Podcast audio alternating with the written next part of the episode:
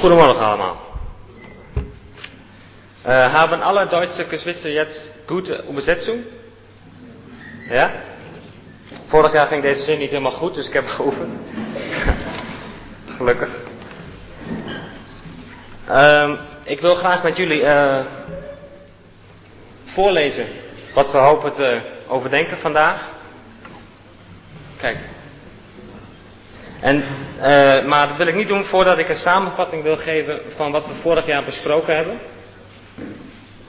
En behalve dat het vorig jaar heel mooi weer was, hebben we ook toch hele mooie dingen met elkaar besproken. En ik heb zelf de lezingen teruggeluisterd.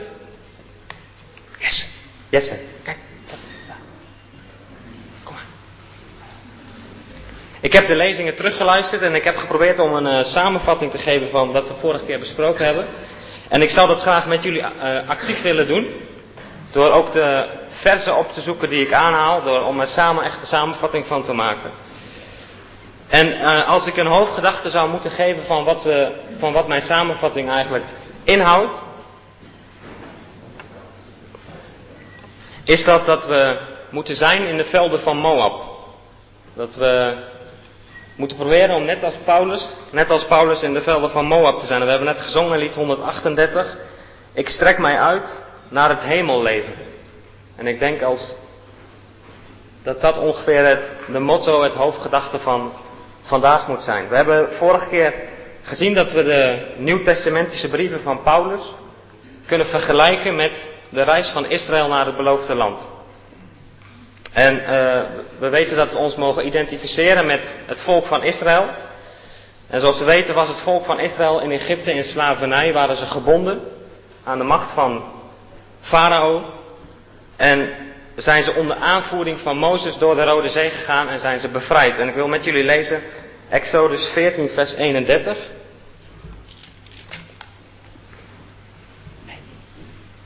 Exodus 14, vers 31.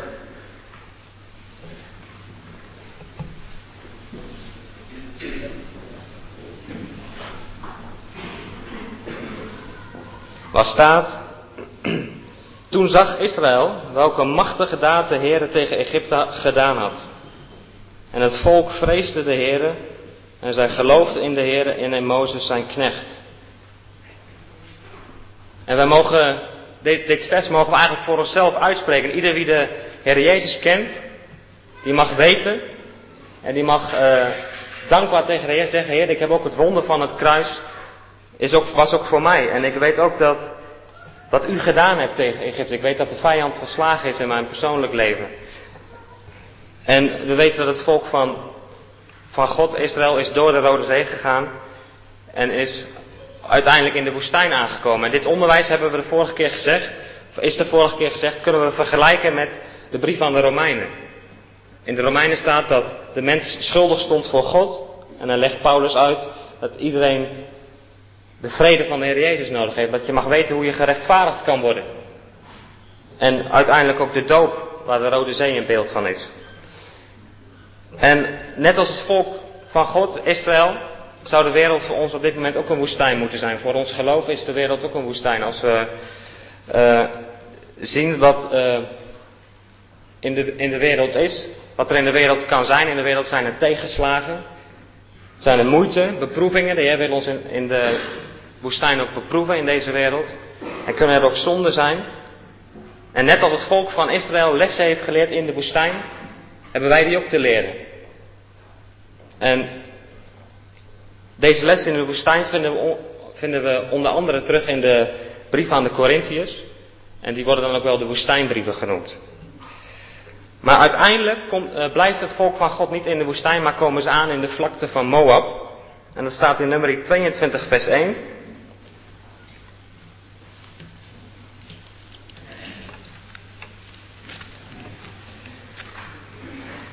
In nummer 22, vers 1 lezen we.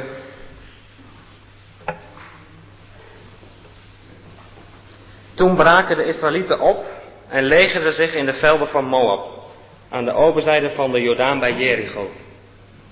Ik heb voor mezelf uh, gegoogeld, ik heb opgezocht uh, waar Moab ligt. En ik vind dat een, ik ben iemand die graag in beelden denkt en dat ook voor me ziet. En ik vind dat een heel indrukwekkend beeld als het volk van God jarenlang in de woestijn geweest is. En dat ze zich legeren in Moab. En dat ze als het ware het zicht hebben op het beloofde land. Het is, ze kunnen het haast grijpen, het beloofde land.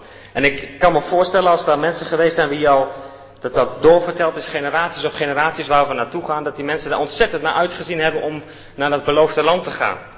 En als we, als we weten de geschiedenis van Mozes met de berg Nebo, dan stond Mozes in Moab op de berg Nebo en had hij het zicht, liet God hem het zicht zien op het beloofde land. En we weten ook dat Rut is de Moabitische, het land van Moab. En als het verder gaat in het boek Deuteronomie, dat gaan we nu niet allemaal lezen, maar dat zou u zelf kunnen doen, dan zie je dat Mozes spreekt met een hart vol van wat het land, uh, het land Israël is, het beloofde land.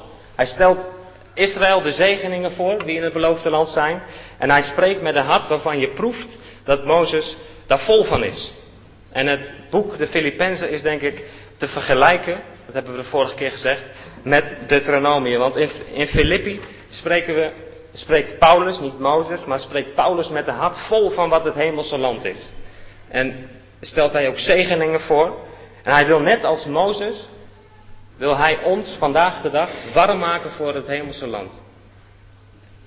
En Paulus, zo zie ik dat dan voor me, figuurlijk gezien, die heeft zijn aardse tent opgeslagen in de vlakte van Moab. En hij kijkt niet naar de al eerder genoemde tegenslagen, niet naar beproevingen, ook niet naar zijn verleden. Ik weet niet, dat herken ik bij mezelf. Ik weet niet of u dat herkent. Maar je verleden, dingen die je gedaan hebt in je verleden, zonde of moeite, of die kunnen je vasthouden om echt uit te zien naar dat beloofde land. Want als, als Israël dat zou doen, dan zouden ze niet naar Moab kijken, maar dan zouden ze 180 graden de andere kant opkijken. En dat was niet de bedoeling. Ze hadden hun blik gericht op het beloofde land. En je verleden kan daarin je remmen als je te veel vast blijft hangen in bepaalde dingen waarvan de Heer tegen je gezegd heeft, dat heb ik vergeven, dat is, dat is weggedaan. Dus net als Paulus is denk ik de belangrijkste les dat we zijn in de vlakte van Moab en dat we al uit kunnen zien naar wat de Heer ons gaat geven, naar de hemelse dingen. En we weten dat de hemelse dingen, daar, is de Heer Jezus. Daar gaat het om de Heer Jezus. Dus uitzien in je leven van vandaag naar wie de Heer Jezus is en voor jou in je leven al wil zijn. Ik denk dat dat de belangrijkste lessen zijn uit de brief van de Filippenzen. Maar als ik dat. Ik heb daar natuurlijk geluisterd thuis en ik heb ook uh, gekeken naar mijn eigen praktijk. En als ik kijk naar mijn eigen praktijk, is dat dan altijd zo dat ik mijn hart richt op de hemelse dingen, daar waar de Heer Jezus is. En dat ik in alle omstandigheden kan zeggen: De Heer Jezus is mijn leven, net als Paulus. Te leven is voor mij Christus. Nou, dan is dat niet zo. En ik verwacht hem ook niet elk moment. En ik weet niet hoe dat bij u gaat, maar ik wil samen twee versen lezen. één uit Romeinen 14 en één uit 2 Korinthe 5.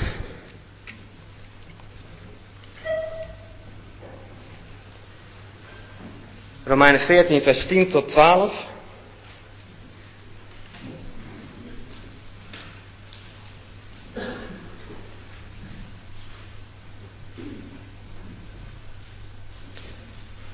Want wij zullen alle voor de rechterstoel van God gesteld worden, want er staat geschreven, zo waar ik leef, zegt de Heer, voor mij zal elke knie zich buigen en elke tong zal beleiden. Dus dan ieder van ons voor zichzelf rekenschap geven aan God. 2 Korinthe 5, vers 10.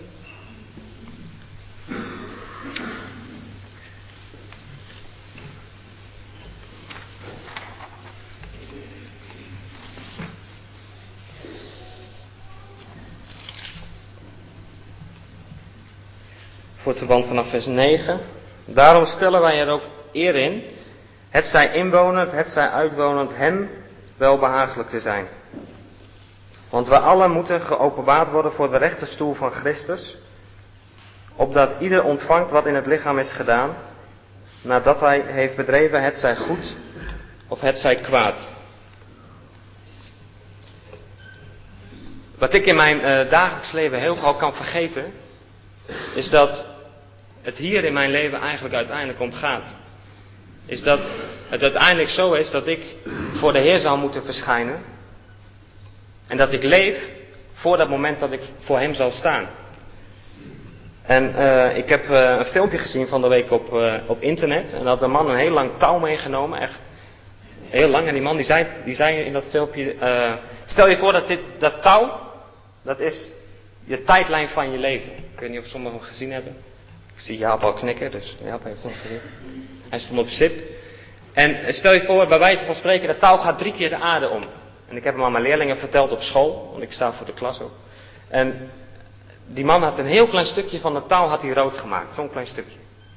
En hij zei, dat is eigenlijk je leven hier op aarde. Dat hele kleine rode stukje. En al dat andere wat daar, wat daar na komt, dat is de eeuwigheid. En hoe leef ik dat kleine rode stukje? Want uiteindelijk leef ik om voor de Heer te verschijnen. En Paulus wist dat. Paulus wist dat. Dat hele kleine stukje, het gaat erom van het moment dat ik aan het eind van het rode stukje ben en het, en het witte inga. Zo stelde hij dat voor omdat ik dan voor de Heer sta. En wat doe ik dan met mijn tijd? Wat doe ik dan met mijn, met mijn keuzes die ik maak? En ik denk, als ik dat meer besef, van dat ik ooit voor de Heer sta, dat mijn leven er misschien wel heel anders uitziet. Want dan zijn de keuzes die ik maak misschien wel, misschien wel heel anders. Want we hebben net gelezen, het, is, het was of goed, of het was kwaad. En hoe ben ik dan met mijn tijd omgegaan bijvoorbeeld? Heb ik mijn tijd verspild? Of heb ik mijn tijd met hem doorgebracht? En misschien wel breder gezien, had ik dan misschien wel het evangelie verteld aan mijn collega waarvan ik nu denk, doe ik toch maar niet. Stel je voor dat hij gaat geloven, dan kost me dat nog tijd ook. Of hoe ga ik om met mijn broeders en zusters? Ik denk als we in het licht staan, of als we weten dat we ooit voor de Heer zullen moeten verschijnen, dat we misschien ook wel heel anders met onze broeders en zusters omgaan. En ik denk dat we uiteindelijk of beloond worden door de Heer, zo zegt de Heer dat in zijn woord, of dat we spijt hebben van de dingen die we niet gedaan hebben. En voor mij was dat een hele belangrijke les, dat het gaat uiteindelijk voor de toekomst. En ik vind het heel raar dat ik dat kan vergeten. Dat ik kan vergeten dat het leven eigenlijk maar heel kort is. Kijk, als je jong bent denk je daar niet zo lang over na, maar het leven is eigenlijk maar heel kort. Het gaat erom dat ik uiteindelijk voor de Heer sta. Wat doe ik met mijn leven? Wat heb ik dan met mijn leven gedaan? Kan de Heer daar tevreden over zijn? Of uh, zijn er toch heel veel dingen die ik anders had moeten doen? En ik denk dat daarom vandaag ontzettend belangrijk is, omdat we door de besteden van de brief van de Filippenzen kunnen leren hoe we moeten leven zoals het ook in die brief staat. En ik weet niet meer precies waar het staat in de brief. Maar dat we leven waardig het evangelie van Christus. En we kunnen in deze brief ook een heel groot voorbeeld nemen aan Paulus. Paulus zegt in 1 Korinthe 11 vers 1, wees mijn navolger zoals ik van Christus. Want Paulus die had de dag van Christus waar ik het net over had als grootste motivatie voor zijn hele leven. Als je de brief leest staat, de dag van Christus komt een aantal keer terug. En Paulus zegt ook, ik wil op die dag wil ik onberispelijk zijn. En dat is ook mijn wens, dat ik net als Paulus dat verlangen heb om onberispelijk te zijn voor het moment dat ik voor de Heer Jezus zal staan. En Paulus, heb ik vorige keer al verteld, vorig jaar, die had Christus als leven, in hoofdstuk 1 lees je dat. Die had Christus als voorbeeld, want laat die gezindheid in u zijn die in Christus Jezus was, in hoofdstuk 2. Die had Christus als doel. Hij wilde jagen naar de hemelse dingen, daar waar onze Heer en Heiland is. En die had de Heer Jezus als kracht. Hij zegt in hoofdstuk 4, ik vermag alle dingen door hem die mij kracht geeft. En Paulus die vergat eigenlijk alles wat achter hem was. En die strekte zich uit naar wat voor hem is, daar waar de Heer Jezus is. En zoals ik net gezegd heb, is hij figuurlijk dus aangekomen in de velden van Moab. En ik denk dat het in deze tijd ook heel erg nodig is, want dat is natuurlijk in iedere tijd, dat we een levend en verwachtingsvol geloof hebben, zodat de mensen om ons heen kunnen zien dat we iets hebben. Want ik denk dat we een unieke waarheid in bezit hebben. We hebben de waarheid van God. We mogen de Heer Jezus kennen als God en middelaar, de enige middelaar tussen God en mensen. En ik denk dat, het, dat als we meer leven met het blik op de hemelse dingen, dat we dat zullen merken in ons leven. Nu kan je twee dingen, je kunt twee dingen hebben om gedemotiveerd te raken deze dag. Het eerste is dat je jezelf te jong vindt. Dat je denkt, ja, Paulus was ontzettend oud. Of ontzettend oud, maar hij was oud. Zo oud ben ik nog lang niet, dus dat, dat red ik niet. Of misschien bent u al wat ouder, maar durft u zich niet te vergelijken met Paulus. Dat zou ook kunnen. Maar dan wil ik vers 1 nog even voorlezen uit, uit Filippi. Paulus was de apostel heeft ontzettend, ontzettende leerstellige en unieke waarheden van God geopenbaard. En Timotheus was nog jong en die was een dienstknecht. En Paulus begint deze brief in vers 1. Paulus en Timotheus, slaven van Christus Jezus. Hij zegt hier niet, zoals misschien in andere brieven, dat hij een apostel is en dat Timotheus een dienstknecht is. Maar hij stelt zich op gelijke voet met Timotheus. En voor mij is dat een bemoediging, want hij zegt daar, Timotheus, het is niet alleen voor mij mogelijk om dit te bereiken wat in deze brief staat, maar ook voor jou. Dus of je jong of oud bent, zou denk ik niet uit moeten maken. En persoonlijk heb ik al verteld, heb ik nog een hele hoop te leren. Ik weet niet of u daar hetzelfde over denkt, maar ik heb nog een hele hoop te leren. En ik hoop echt dat de Heer deze dag gebruikt om in mijn persoonlijke omstandigheden de Hem groter te maken en ook dat ik Hem meer voor ogen heb, dat mijn blik op Hem is, omdat Hij in de hemel is en dat dat in mijn persoonlijke omstandigheden heel veel zal veranderen. En dan hoop ik dat deze dag, dat dat ook voor u geldt. Uh, voordat ik zo voor ga lezen, heb ik een aantal korte dingen. Het programma komt denk ik zo nog op de beamer, kan dat even?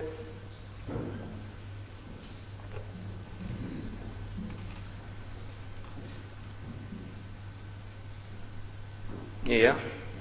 We hebben nu tot kwart voor elf de eerste bespreking. En uh, iedereen is natuurlijk, uh, kan hier een opmerking plaatsen wie dat wil, maar we hebben ook de mogelijkheid om gewoon vragen te stellen. Daar staat de microfoon hier. Als er vragen zijn, ik denk dat die ook heel erg zinvol zijn. Mijn vraag is om het wel over de versen te houden, zodat we ook verder kunnen gaan met de bespreking en niet al te lang stil te staan bij één vers. Maar dan moet je natuurlijk niet remmen om een opmerking te maken, want dat zou jammer zijn. Uh, we willen graag in ieder geval hoofdstuk 1 vandaag bespreken. En als we verder komen, dan uh, is dat alleen maar goed. Dus dat zijn even de opmerkingen vooraf. En ik wil graag met jullie nu lezen vanaf vers 12 tot en met vers 30.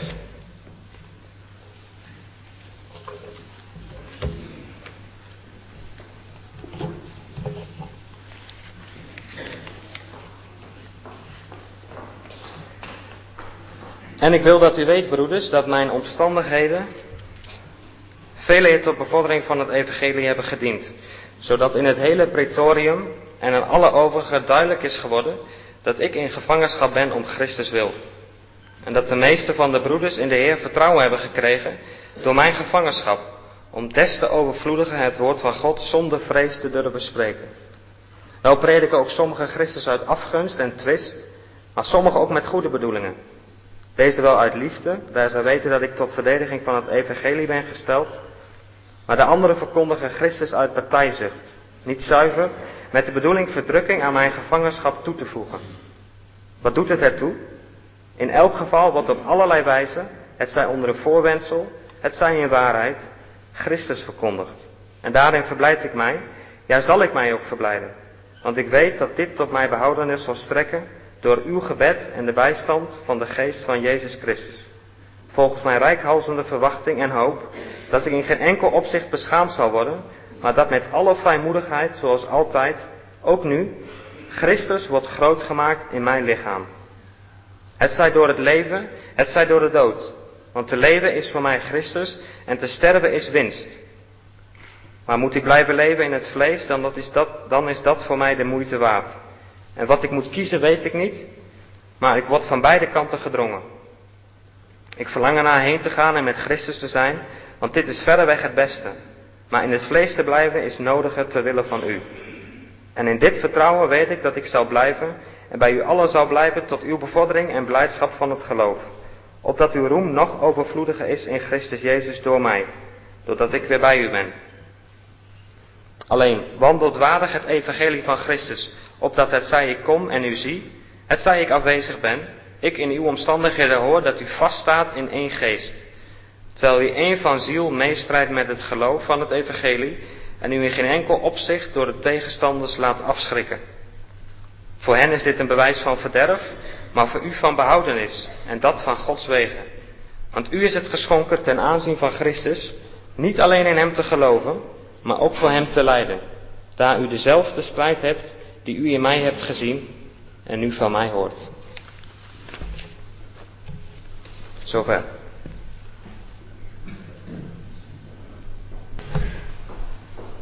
Het is mooi om te weten dat onze omstandigheden in de hand van God zijn. Dat is voor mij een van de lessen die ik mag leren als ik deze brief lees. En bijzonder dan wat we hier hebben in vers 12, waar we willen beginnen. En ik wil, ik wil dat u weet, broeders, dat mijn omstandigheden veel eer tot bevordering van het evangelie hebben gediend.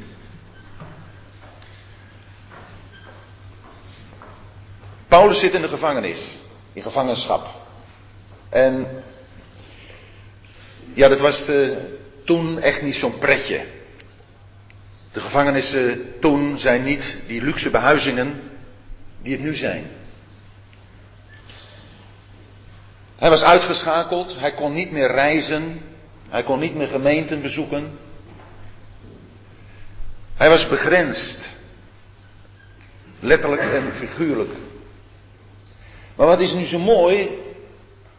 De dienstknecht mag gebonden zijn. Het woord is niet gebonden. En de Satan, de duivel, mag lijken een goede slag geslagen te hebben. Maar God gebruikt hem voor het vervullen van zijn plan. En Paulus kan dan ook zeggen, ik wil dat jullie weten dat mijn omstandigheden ja, me niet hebben uitgeschakeld, mij niet in een depressie hebben gestort, maar dat die omstandigheden hebben gediend tot bevordering van het evangelie.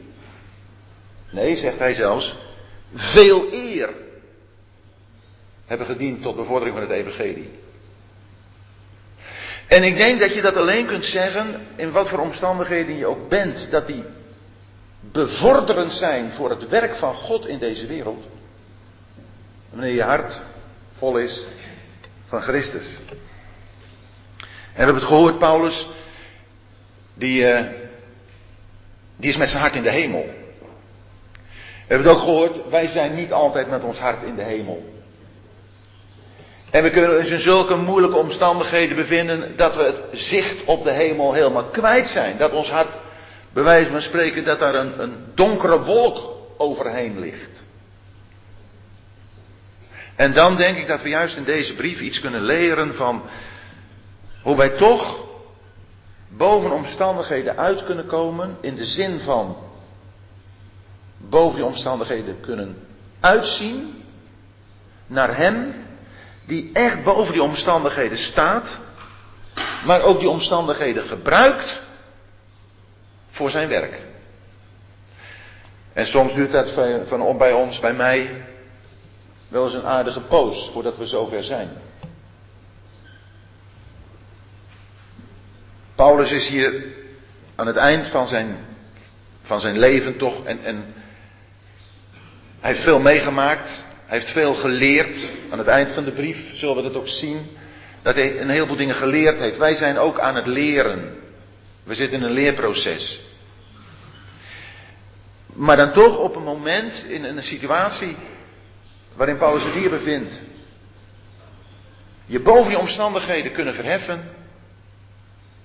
Omdat je hart hem ziet die daarboven staat. In een ander opzicht vinden we dat bij Jeremia. Ik ben op het ogenblik wat bezig met de profeet Jeremia en ook met de klaagliederen. En Jeremia die is volkomen ondersteboven van wat er allemaal met Jeruzalem gebeurd is. Het is verwoest. En vooral als je de klaagliederen leest, dan, dan zie je hoe, hoe hij erover treurt. Hij heeft Israël moeten aankondigen, als jullie niet luisteren, dan wordt de stad verwoest. En God heeft de stad verwoest. En dan zegt Jeremia niet, ah fijn, mijn woord is uitgekomen. Jeremia huilt daarover. En wat lees je keer op keer? Niet de vijand heeft het gedaan. Heer, u hebt het gedaan. U hebt het gedaan. En dat geeft bij alle moeite die wij kunnen hebben rust. Want wij zijn niet overgeleverd aan de macht van de boze, wij zijn overgeleverd aan een liefhebbende God die alles in de hand heeft, alles bestuurt en uiteindelijk alles gebruikt Tot de verheerlijking van zijn naam. En zo mogen wij ons leven zien. En dat is een geweldige bemoediging als we Hem kennen, zo met Hem te leven.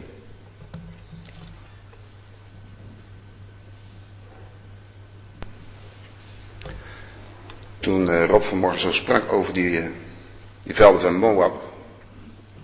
Ik ben er vorig jaar geweest. Niet in de velden van Moab, maar net aan de andere kant. En je stelt je dat beeld zo voor. Ik denk ook graag in beelden.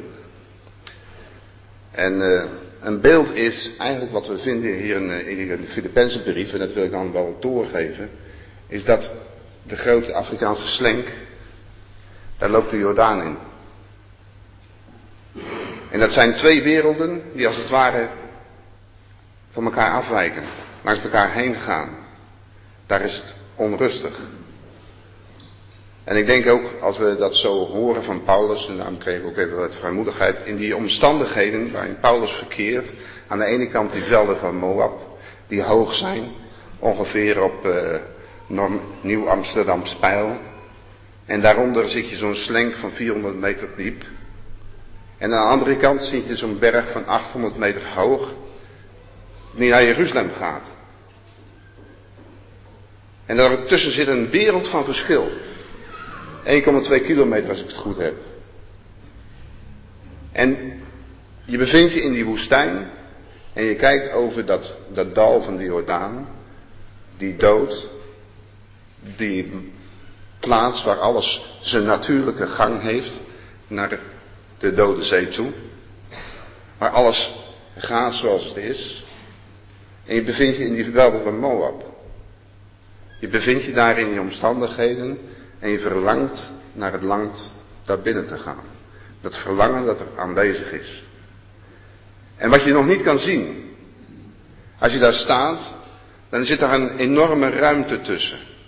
Er is een verschil, daar zit een heel dal tussen. Dat is wazig. Je ziet niet goed. Er zijn heldere dagen bij. Er zijn minder heldere dagen bij. Er zit vocht in de lucht. Er zit stof in de lucht. Alles wat je verhindert om een juiste blik te hebben op dat wat komen gaat. En je ziet,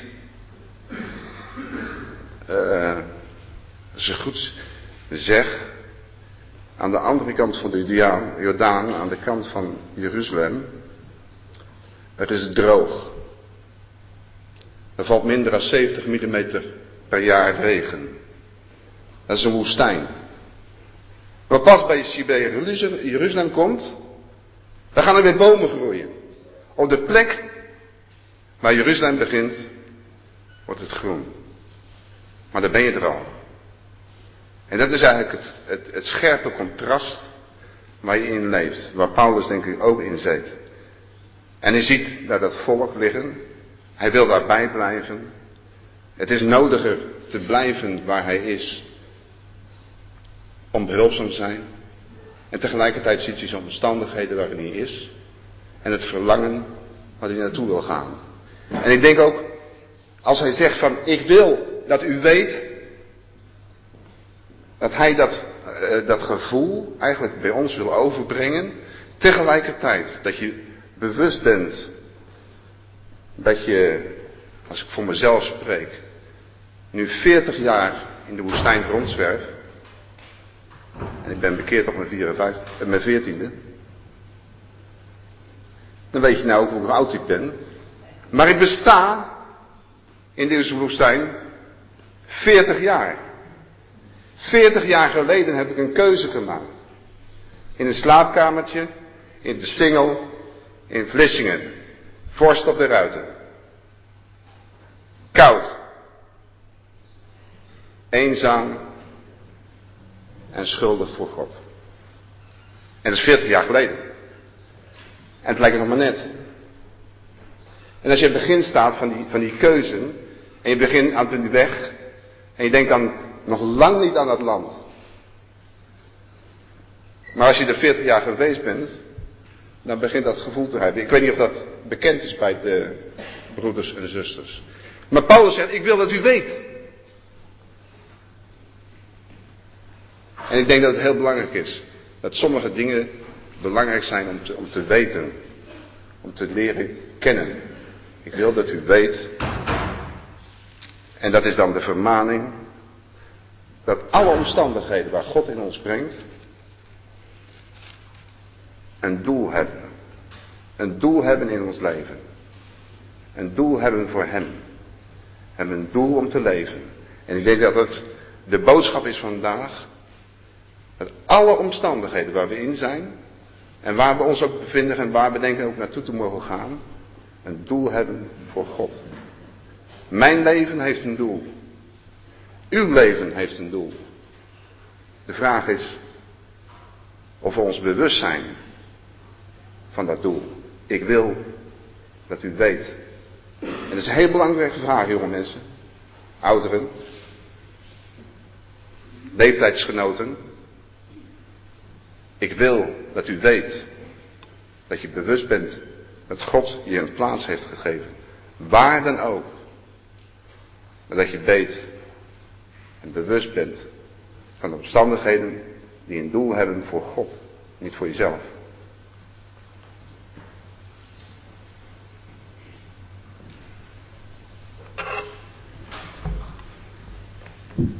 Ich will aber, dass ihr wisst, Ik wil echter dat u weet.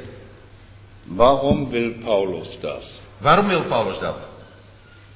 Und was will er, was sie wissen sollen? En wat wil hij dat ze zullen weten?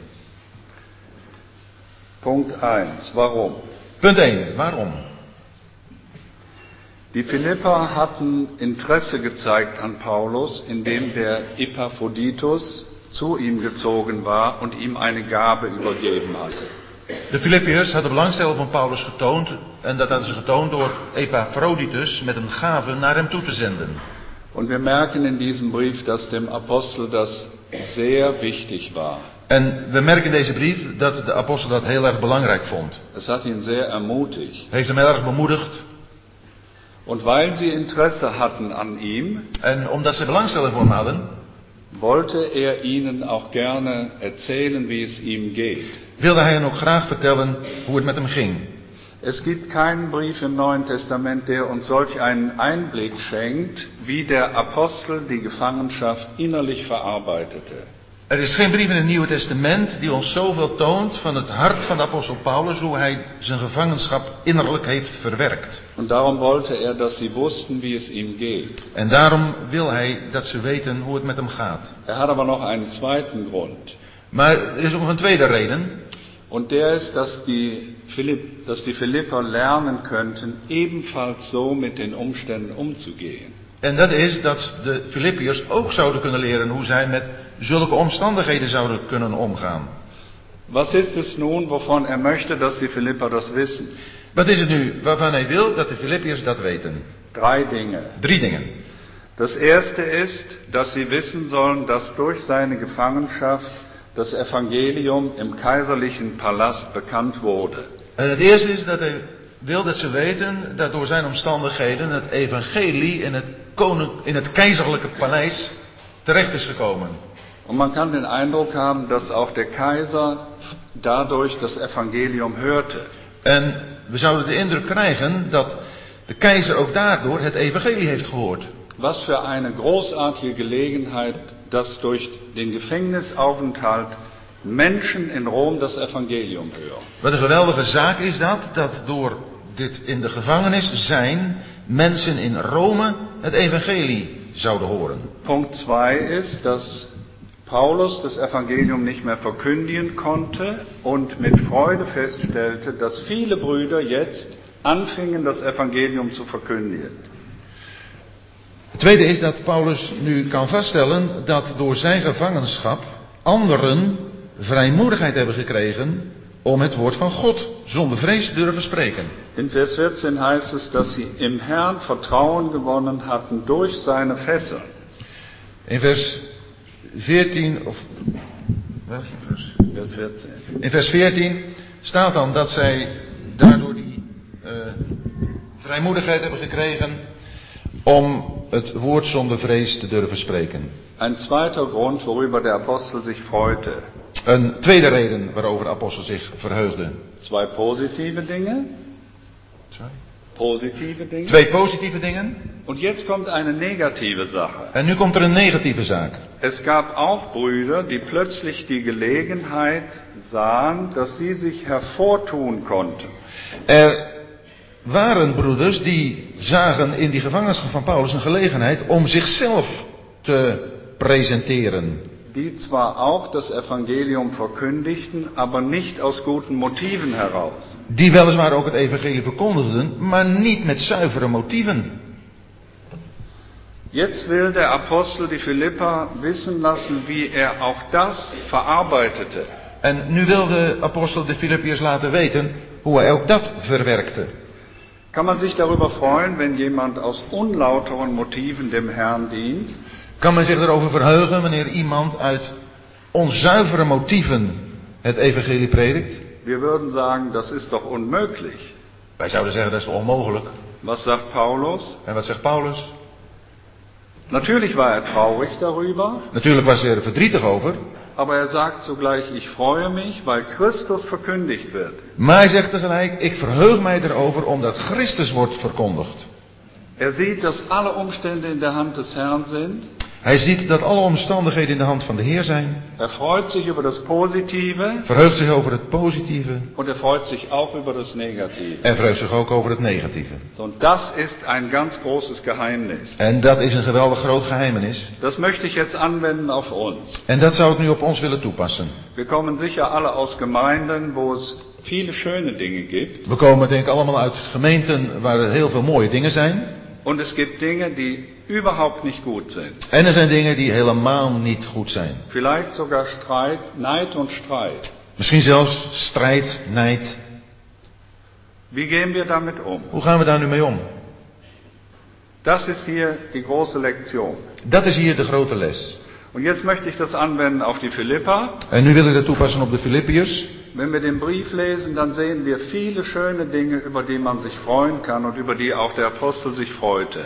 Wanneer we deze brief lezen, zien we een heleboel dingen waar- waarover we ons kunnen verheugen en waarover de apostel zich verheugde. Aber wir wissen, dass die Philippa auch ein richtig kräftiges Problem hat. Maar we weten ook dat die Filippiërs een echt pittig probleem hadden. Da waren zwei Schwestern, die sich nicht mehr verstanden.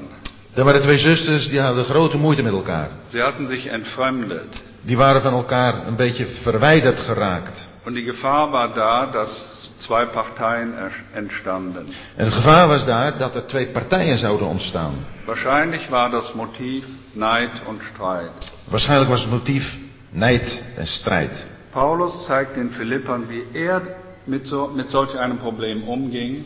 Paulus die toont hier aan de Filippiërs hoe hij met zo'n probleem omging. Und wir können sicher sein, dass die Philipper daraus lernten. En we kunnen er zeker van zijn dat de Filippiërs daaruit hebben geleerd. Die Frage an uns heute Morgen ist, De vraag aan ons vanmorgen is, lernen auch wir daraus? leren ook wij daaruit? Wir wollen uns über das Gute freuen, Willen ons over het goede verheugen, aber uns auch bewusst werden, dass die negativen Dinge in der Hand des Herrn sind. maar ons ook bewust zijn dat de negatieve dingen in de hand van de Heer zijn.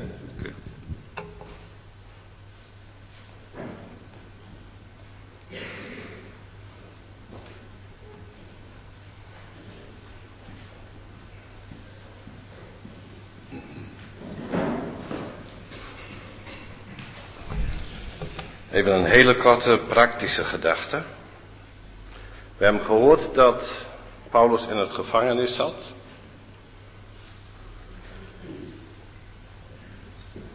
En soms ben jij en ik ook uitgeschakeld. En hoe denken wij dan daarover? En ik zie in deze tekst grote deemoed van Paulus. Hij zegt in wezen, ik zit in het gevangenis, maar dat is niet erg. Voor het doel dat het evangelie van God verkondigd wordt, is dit niet erg. Hij begint die brief al met slaaf. Ik ben een slaaf. En die broeders en zusters in Filippi, die noemt hij opzieners en dienaars. Dan zie je, hij schrijft uit een lage positie en hij verhoogt die anderen. Hij zit vast. Het evangelie, zou je kunnen denken, moet je het voorstellen dat jij Paulus was, of ik. Dan kan je toch de indruk krijgen dat het evangelie van God zonder mij niet loopt. Maar Paulus is deemoedig. Hij zegt dat is niet erg. Ik heb ooit gehoord van een broeder.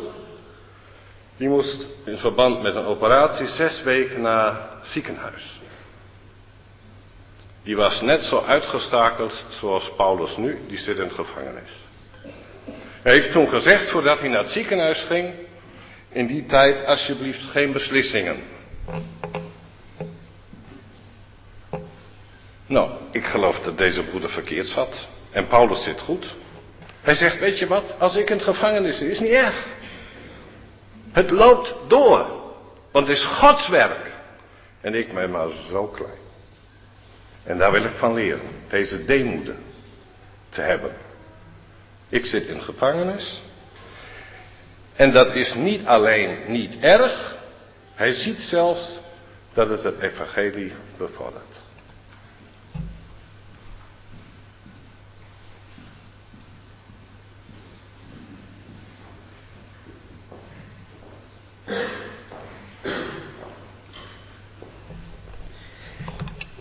We hebben hier twee keer het woord weten.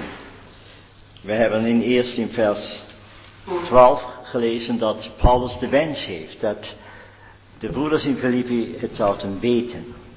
En er zijn drie dingen die we net hebben opgezomd. Dingen die gebeurden ondanks dat hij gevangen was. Dingen waar je ziet dat Gods hand alles volmaakt leidde. Maar dan zegt hij in vers, vers 19, want ik weet. En dan heb je iets heel persoonlijks. Wij komen soms ook in ons leven in moeilijke situaties. En dan begin je te evalueren. Waarom gebeurt het? Wat is de bedoeling? Hier zit Paulus in de gevangenis. Hij was met de beste bedoeling naar Jeruzalem gegaan. En dat was het einde van die weg. Hij zit in Rome, afgesneden van al die vergadering. Hij kan niet meer in het openbaar preken. Maar hij ziet Gods goede hand is erover. En nu wordt het, dat hebben we gezien, het evangelie, ondanks Satans plannen, aan plaatsen gebracht, wat tot nu toe nooit gebracht was. In het pretorium en alle anderen. Elke soldaat, waaksoldaat, die dag voor dag naast hem toe kwam, ging naar huis, ging terug, met de indruk dat deze man niet een boosdader is. Dat dat de gevangenis van Christus was. Die ging terug met de indruk een stukje hemel te gezien hebben bij een man die in de geest al in de hemel leefde. En het evangelie, zijn trouw, dat hij stond, dat hebben we gezien, heeft ook anderen bemoedigd te staan voor het evangelie. En het derde was die groep die ook de situatie gebruikt, dat hebben we vaak als bepaalde broeders niet daar zijn, dat opeens anderen naar voren komen. En je vraagt je af, hadden die nooit iets te zeggen? Of ging het alleen omdat zij niet in dat grote licht hun zwak licht wilden laten schijnen om op te vallen? Maar in ieder geval, die drie punten kan Paulus voorstellen aan die Filipijnsen en zeggen, ik wil dat u dat weet. Maar er is nog een derde punt. Een vierde punt. Ik heb ook wat te leren gehad. Ik weet nu iets. Wat nog belangrijker is. En ik denk dat dat één ding is om deze brief te begrijpen. We hebben gezien, het gaat om de velden van Moab, waar we het land voor ons zien. Maar wat is eigenlijk de inhoud van het land? Dat is één persoon. Het is de Heer Jezus. Daar gaat het om. En als we dat in het leven leren, dat God alles wegneemt. De beste dingen die waar wij voor zullen leven kunnen leven. Dat één persoon overblijft. Dan wordt hij dat principe, dat regerende principe van het ons leven. Dan gaat het niet meer op ik dien, op ik het evangelie verspreid. Natuurlijk is dat belangrijk. Het gaat erom dat de Heer Jezus verheerlijkt wordt. Dat Hij groot wordt. De hemel heeft nog één belangstelling die groter is dan alles. Niet onze behoudenis, niet onze hemelse zekening. Maar is, de hemel is bezig met één persoon, met Christus. De Vader is de wijngaardner, de husbandman, en hij wacht over de eer van zijn zoon. Dat is belangrijker dan alles. En het kan zijn dat in ons leven dienst voor de Heer zo belangrijk geworden is, dat wij dat boven de Heer zetten. Het kan zijn dat de leer van de gemeente belangrijker geworden is dan de Heer. Dan zal de Heer dat weg, de Vader dat wegnemen. Want voor hem geeft het die ene geliefde zoon. En dat wordt in dat van de versen, dat, uh, vers 16 tot en met 19 wordt het doorgegeven hoe hij dat geleerd heeft. Ook al waren er broeders die met een boze gezindheid om hem in zijn gevangenschap vervruchting te brengen, het evangelie verkondigden, om hem pijn te doen. Maar hij kon erom zien, het gaat niet om mij. Het gaat niet om mijn eer. Het gaat niet om mijn succes. Het gaat om Christus. En als die verkondigd wordt, dan is het genoeg. En hij kan dan zeggen, ik weet dat dit ook tot mijn behouden is. Daar zullen we nog over hebben. En dat zullen we leren. Onze moeilijke omstandigheden hebben, ondanks de situatie, goede volgen naar buiten voor iedereen erkenbaar. Maar ze hebben ook persoonlijke lessen. Die jij en ik alleen soms weet. En ik moet zeggen, ik weet. Ik weet dat ik een lessen had te leren. Dat de Heer iets in mijn leven wou verschuiven. Omdat de Heer Jezus alles voor ons werd. Om dat te leren wat hij later zegt. Het leven voor mij is Christus. Dat moet geleerd worden in de praktijk. Wij zitten in een gezelschap, wij zitten in een gemeente, in vergaderingen en iedereen heeft zijn positie, zijn plaats. Maar laten we eraan denken, het gaat om hem. Om zijn plaats. Het gaat niet om onze dienst. Het gaat niet, alles is niet belangrijk.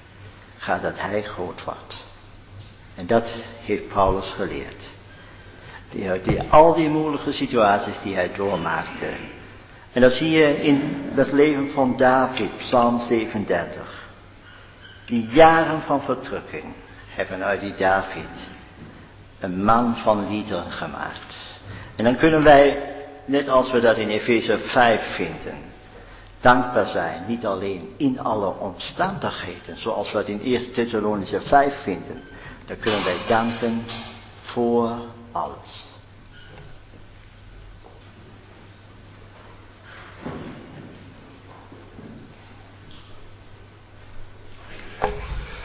Naar aanleiding van de opmerking van broeder Michiel wou ik nog even iets lezen uit de derde brief van Johannes.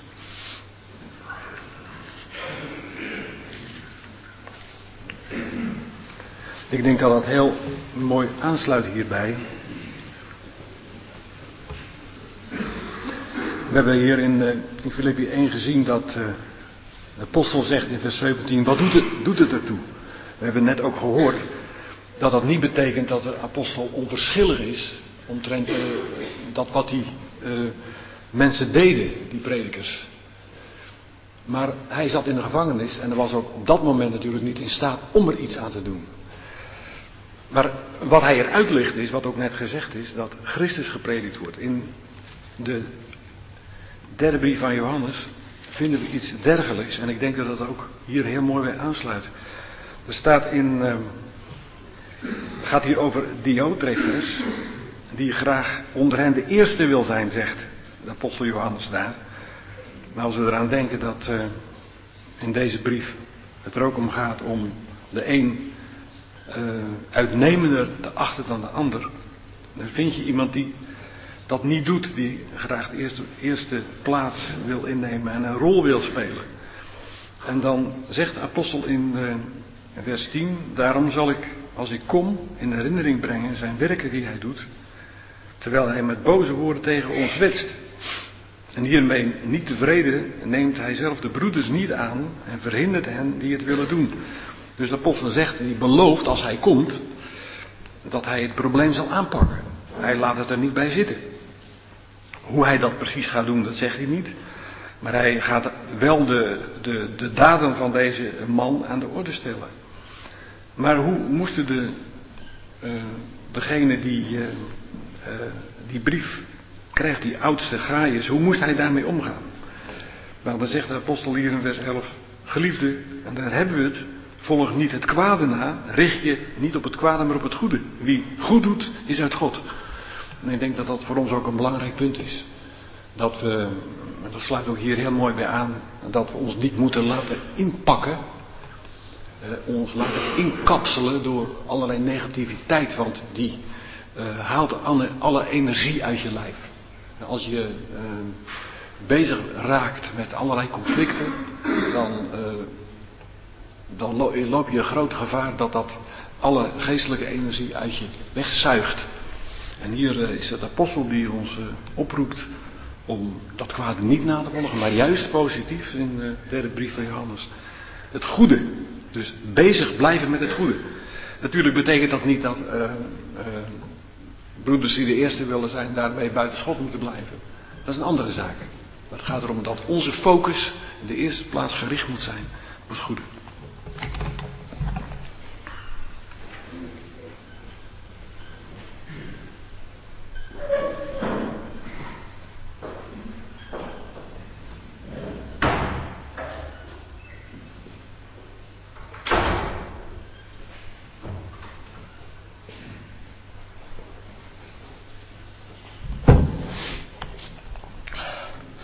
Lezen in Filippenzen 1 vers 14 aan het eind. Dat er dan dat ze door de gevangenschap van Paulus het woord van God zonder vrees durven spreken. En als ik naar mezelf kijk,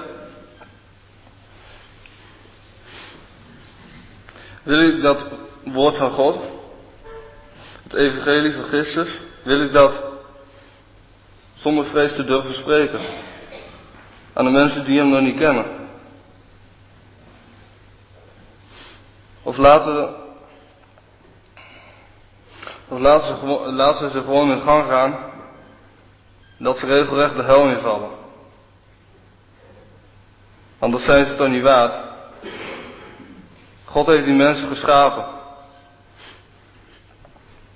Net zoals ze u geschapen heeft.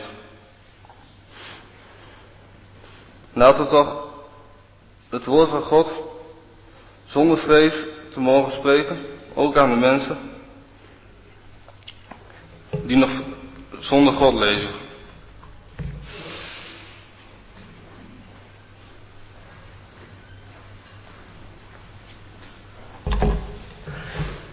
Ik heb het uh, best moeilijk gevonden, en soms nog wel, als een ander het anders doet dan ik het doe. En anderen het doen die denken dat ze het zo moeten doen, het woord van God brengen of zo moeten leven. Maar ik heb uh, al jaren geleden een les geleerd, wat Paulus hier geleerd had van de Heer Jezus. Paulus was een navolger van de Heer Jezus. En hij bracht het precies in praktijk wat de Heer Jezus gezegd had. En ik moest denken aan de geschiedenis toen de Heer Jezus omwandelde op aarde. Toen kwamen er allerlei mensen rondom, er allerlei dingen gebeurden. Johannes de Doper was bezig, die predikte. Er gebeurden allerlei krachten. Bezetenen werden uitgedreven. En dat komen ook de discipelen van de Heer Jezus ter oren. Ja, zij zaten toch goed.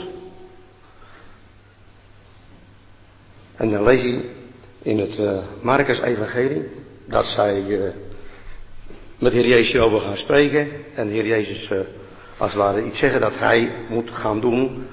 Hoe hij moet gehandeld moet worden met die mensen die het anders doen. Maar dan zeggen ze iets, en dat herkennen ik ook in mijn eigen hart, en misschien herkennen jullie het ook in je eigen hart. Dan zeggen ze tegen de Heer, Heer, verbied het hun, omdat Hij ons niet volgt. Ons niet volgt. En dat is iets heel erg wat ik ook ontdek in mijn eigen hart. Doe ik het werkelijk wel goed? Waar gaat het om? Moet die ander ons volgen of moet die ander de Heer Jezus volgen? De Heer die zegt, belet het er niet. Hij zegt, laat het maar gaan. Als je dezelfde geschiedenis leest in het uh, Lucas-evangelie, daar zijn ze, is hun toon een beetje gematiger. Dan zeggen ze dat hij zei, u met ons niet volgen. En denk dat ook, wij kunnen denken dat wij het precies goed doen en alles wat die anderen doen, dat het verkeerd is. Maar de Heer zegt ook in die situatie, belet het er niet. Want wie niet voor mij is, is tegen mij. En dat is denk ik het kenmerk. En dat had Paulus ook door. De motieven waren misschien niet altijd even zuiver van wat Paulus hoorde van de gelovigen in Filippi. Maar Paulus zegt niet, en daar moeten jullie mee stoppen. Paulus zegt, laat het maar gaan. Zij moeten leren. En ook wij moeten leren dingen over te geven aan de Heer. Wel een ander belangrijk principe is, wat de Heer Jezus ook zegt. Wie niet met mij, al ben je voor de Heer Jezus, dan kan het wel zo zijn dat je meewerkt aan de, het bijeenbrengen van de kinderen van God. Of aan het verstrooien van de kinderen van God. En dat is Paulus' intentie, dat wil ons leren door deze brief. Om samen de gelovigen bij elkaar te krijgen, om samen de Heer te gaan volgen.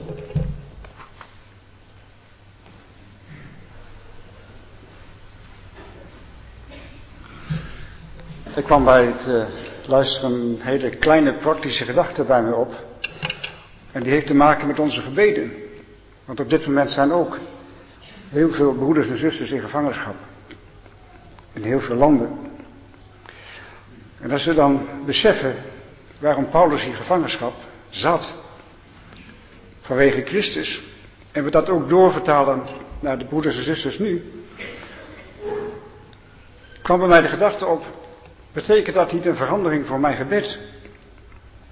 Want als dat inderdaad zo is, en ik kijk naar mijn gedachten daarover, en ik kijk ook naar wat er gebeurt in Nederland, hè, dat er een soort machinerie op gang komt om mensen vrij te krijgen of, of andere activiteiten. Het besef dat iemand gevangen zit, en een heleboel christenen gevangen zitten vanwege Christus wil, betekent natuurlijk in eerste plaats ook wat door middel van Epaphroditus gebeurt, dat deze mensen geholpen en gesteund worden, en waar mogelijk. Maar de gebeden dat ze vrij mogen komen, dat komt voor mij toch door deze geschiedenis en dat ik gehoord heb in een ander licht te staan. Misschien is een gebed voor bemoediging en dat ze mogen ervaren dat de Heer bij hen is wel belangrijker.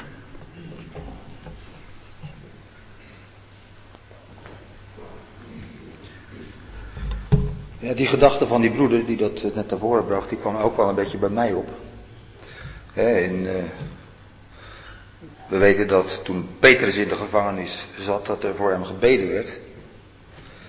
En je vindt eigenlijk geen oproep hier van Paulus dat hij vraagt dat er gebeden zou worden dat hij daar uit de gevangenis zou komen.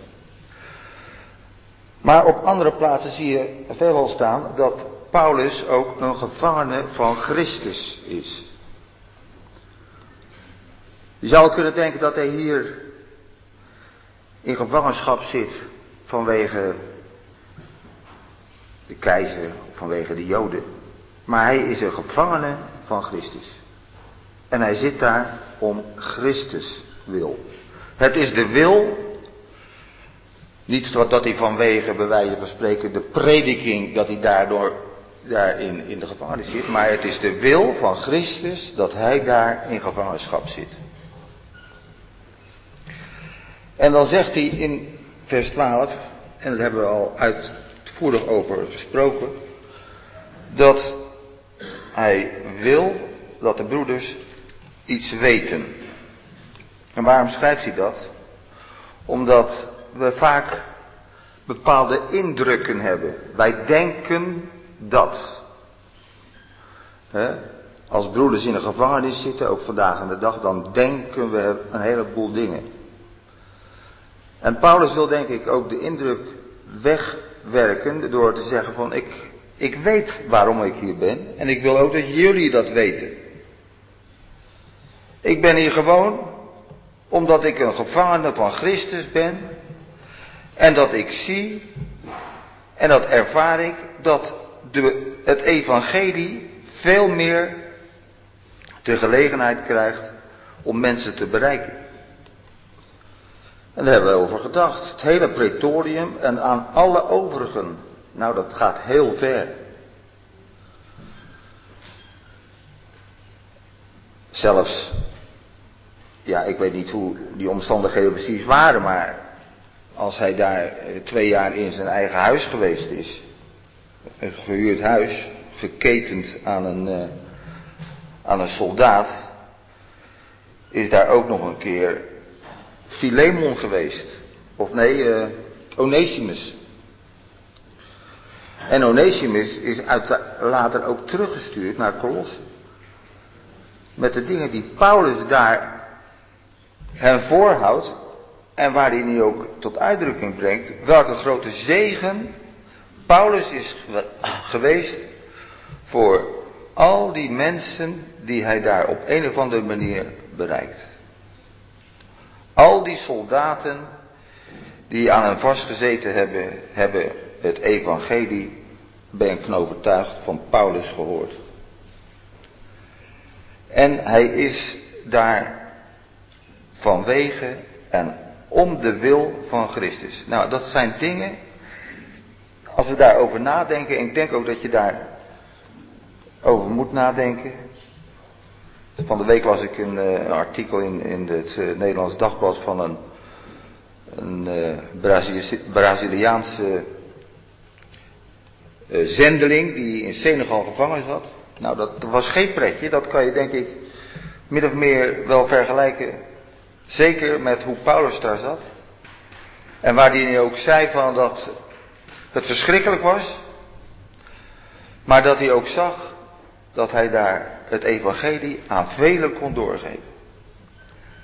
Zou graag vrij worden, maar zag ook de andere kant dat hij daar was om het evangelie te prediken. Mensen tot geloof, dat heeft hij werkelijk ook gezien, hoe mensen tot geloof kwamen. En daarom denk ik ook van dat onze indrukken over iets, die we dat, dat we dat vaak moeten wijzigen, dat we dingen moeten weten. Gods woord is duidelijk. En we hebben dat gedeelte waarin ook Paulus aangeeft van hoe het evangelie ook verkondigd wordt. Het is Christus die erachter staat.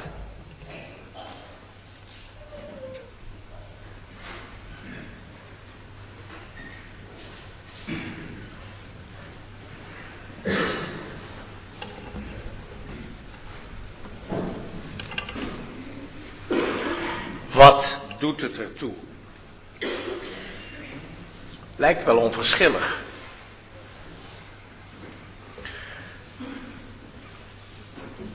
Maar er staat iets voor. Deze, de positieve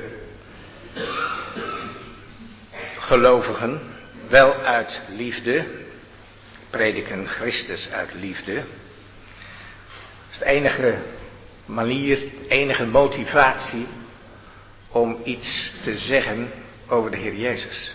Liefde. En zij weten dat ik tot verdediging van het evangelie gesteld ben. Maar anderen verkondigen Christus uit partijzucht, niet zuiver. Met de bedoeling mijn gevangenschap te verzwaren. Ik heb me afgevraagd, wat dat nou? Gevangenschap van iemand verzwaren terwijl je niet in die gevangenis bent en het evangelie aan het prediken bent met onzuivere bedoelingen. Dan kom je tot de conclusie dat deze onzuivere predikers partijzucht hadden. Je moet bij onze partij komen. Je moet niet luisteren naar die apostel. Moest kijken, die zit in de gevangenis.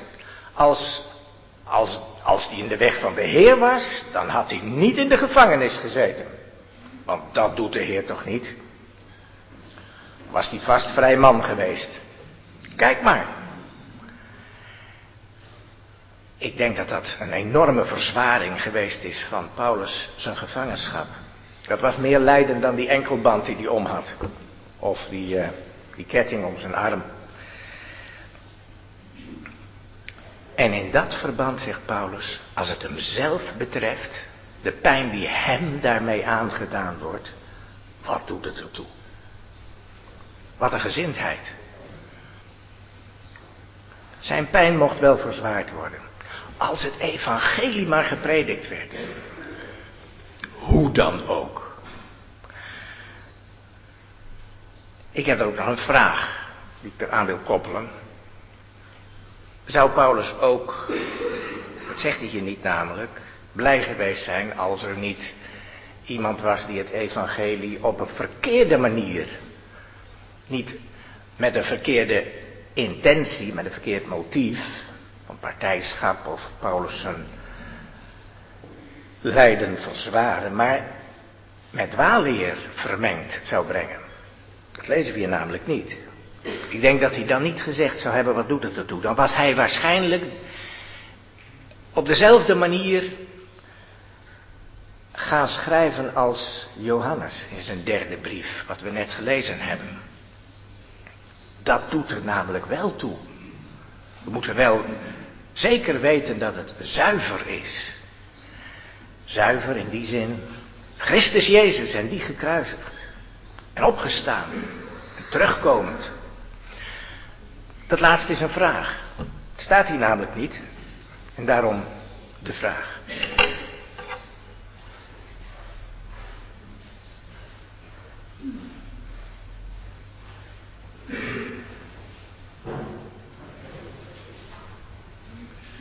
Het antwoord op de vraag is eenvoudig te geven, want er staat in Galaten 1.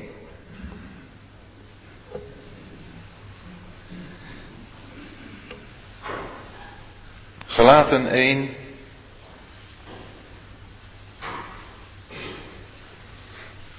Vers 8.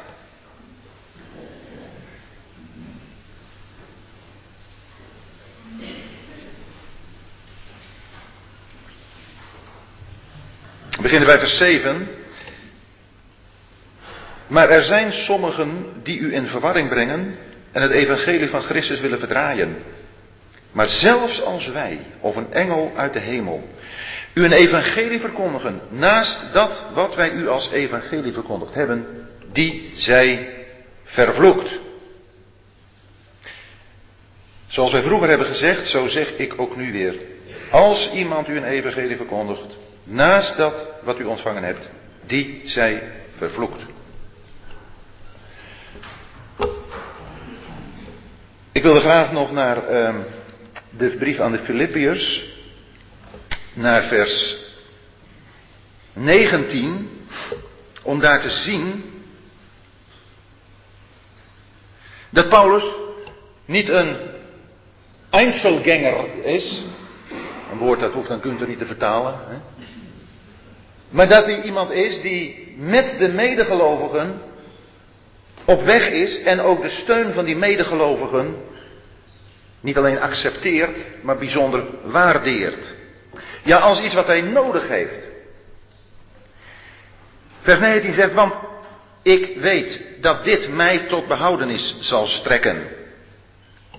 Uh, wat weet hij dat hem tot behoudenis zal strekken? Alles wat hij hiervoor gezegd heeft ten aanzien van de omstandigheden waarin hij is. De omstandigheden die voerden hem naar de volle behoudenis. Maar we weten dat Paulus behouden was. Ieder die de Heer Jezus als zijn heiland heeft aangenomen nadat hij zijn zonden heeft beleden, is behouden. Maar voordat we de uiteindelijke behoudenis bereiken, dat wil zeggen voordat we uiteindelijk bij de Heer zijn, is er nog een weg te gaan. En in het gaan van die weg moeten wij ook behouden worden, want er zijn veel gevaren. Paulus is in deze gevaren, is in die omstandigheden. Maar die ziet hij niet als tegen zich, maar als dragers van zijn leven die God gebruikt om hem naar dat einddoel te brengen. Omstandigheden zijn niet toevalligheden, soms heel erg onaangenaam, die we er maar bij nemen. Het geweldige van het leven van de gelovige is dat God zijn hele leven bestuurt. Ook de omstandigheden. Dat kan hem, mag hem rust geven. En Paulus is hier iemand die weet die omstandigheden die voeren mij tot die behoudenis. Maar zoals gezegd, het is niet iemand die uh, geen andere nodig heeft daarin. Nee, en we hebben het over gebed gehad. Hij zegt, door uw gebed. Hij vindt het heel erg belangrijk dat er gelovigen zijn hier in Filippi die voor hem bidden. Het gebed, broeders en zusters, jonge mensen, is een geweldig middel waarbij we anderen kunnen helpen hun weg met de Heer te gaan en veilig het einddoel te bereiken. Dat ze in de omstandigheden waarin ze zijn niet de moed laten zinken, niet het doel uit het oog verliezen. En zelfs als er situaties zijn waarin gelovigen niet meer weten hoe ze verder moeten, mogen wij voor ze bidden. En dan weten we dat het gebed een bijzondere kracht heeft. Het zet Gods hart en het zet Gods arm in beweging. En dan niet alleen, en we hebben er al even over gedacht, doordat Paulus dan uit de gevangenis bevrijd wordt, maar, en dat komt verder nog, ga ik nu niet iets over zeggen, maar dat grote verlangen is dat Christus, zoals altijd, ook in die omstandigheden, in zijn lichaam wordt groot gemaakt. Daar is het gebed van de gelovigen een bijzonder hulpmiddel voor. En bij dat gebed voegt hij nog de bijstand van de geest van Jezus Christus. Dus behalve dat het gebed van de Filippiërs hem helpt om door die omstandigheden gedragen te worden en naar het einddoel te gaan, is er ook die innerlijke kracht van de geest die hem bijstand verleent. Die hem innerlijk ook die overtuiging, die rust geeft die hij nodig heeft. En het is de geest van Jezus Christus. En dat verbindt ons met de Heer Jezus, die Jezus Christus genoemd wordt. Jezus is de naam van de Heer Jezus die ons doet denken aan zijn leven op aarde. Het leven in vernedering. Die geest die hem heeft geleid. Ik meen dat in handelingen 16 Paulus, als uh, hij geroepen wordt, of voordat hij geroepen wordt naar Macedonië te gaan, dat we daar ook lezen over de geest van Jezus. Hier vinden we de geest van Jezus Christus. Want Jezus, de eens vernederde mens, is nu de door God verheerlijkte Christus. Gemaakt tot Heer en tot Christus. En het is die geest die zo kenmerkend is voor onze heiland. Die ook ons bijstand wil verlenen. Die Paulus bijstand verleent, maar ook ons bijstand wil verlenen. Zodat we en het gebed van de medegelovigen.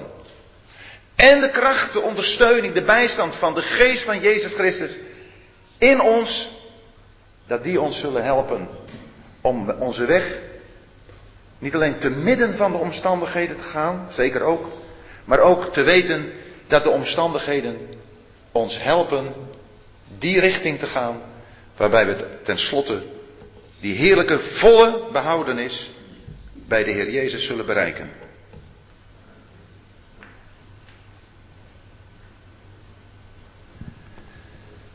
Ich möchte gerne nochmal zurückkommen auf Vers 18.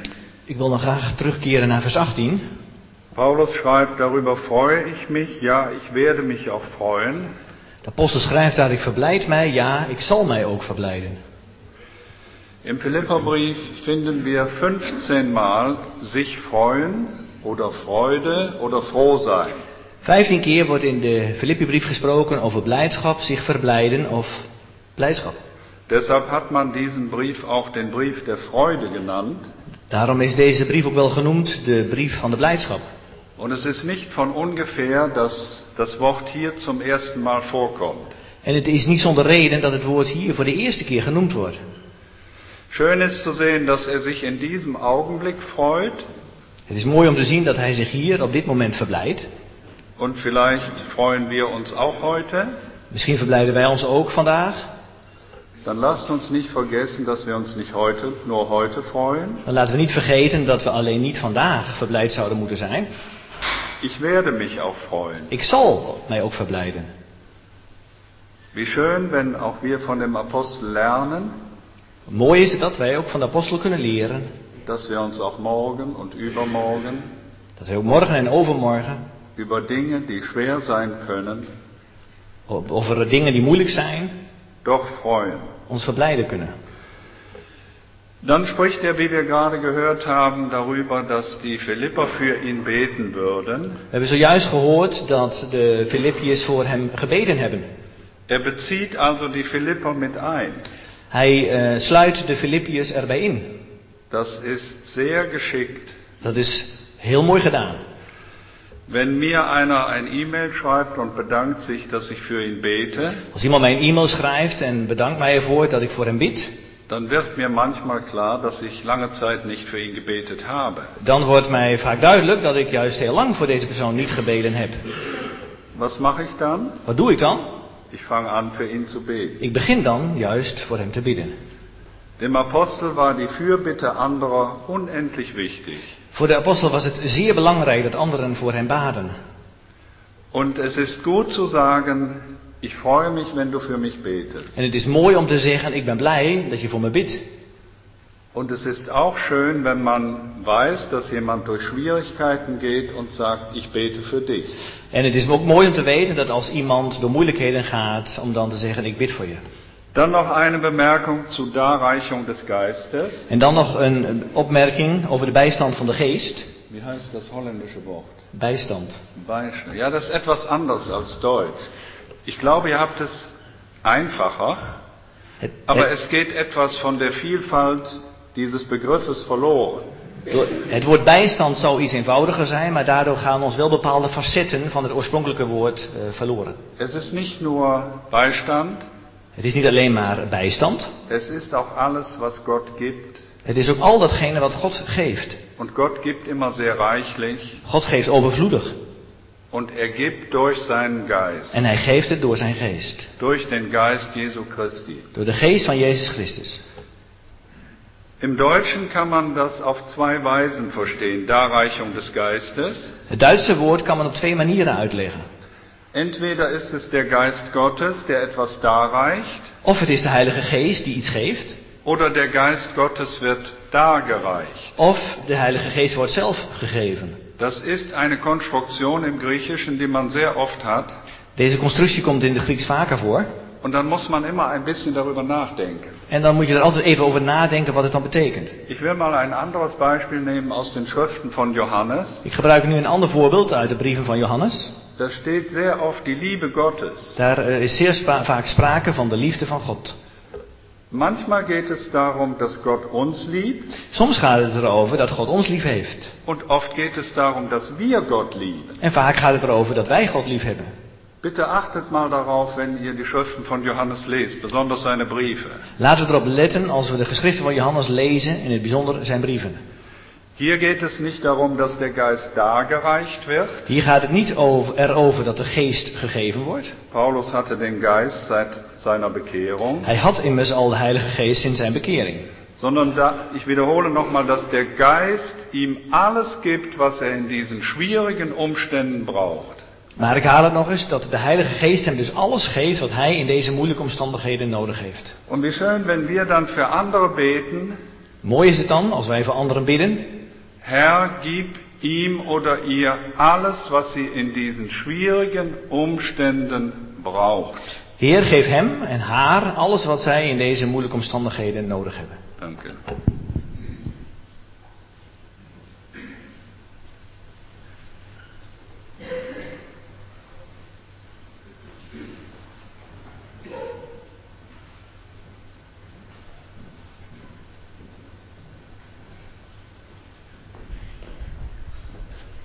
Ja, ik eh, vond het mooi hoe we elke keer weer terug zijn gekomen op dat. eh,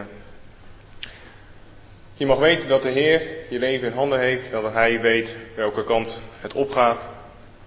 En dat je mag weten eh, zeker te zijn van zijn trouw. In welke omstandigheden je dan ook bent. Dat zien we elke keer weer terugkomen en wat voor ja, omstandigheden Paulus ook hier is. Het weerhoudt hem niet om deze dingen aan die Filippenzen door te geven.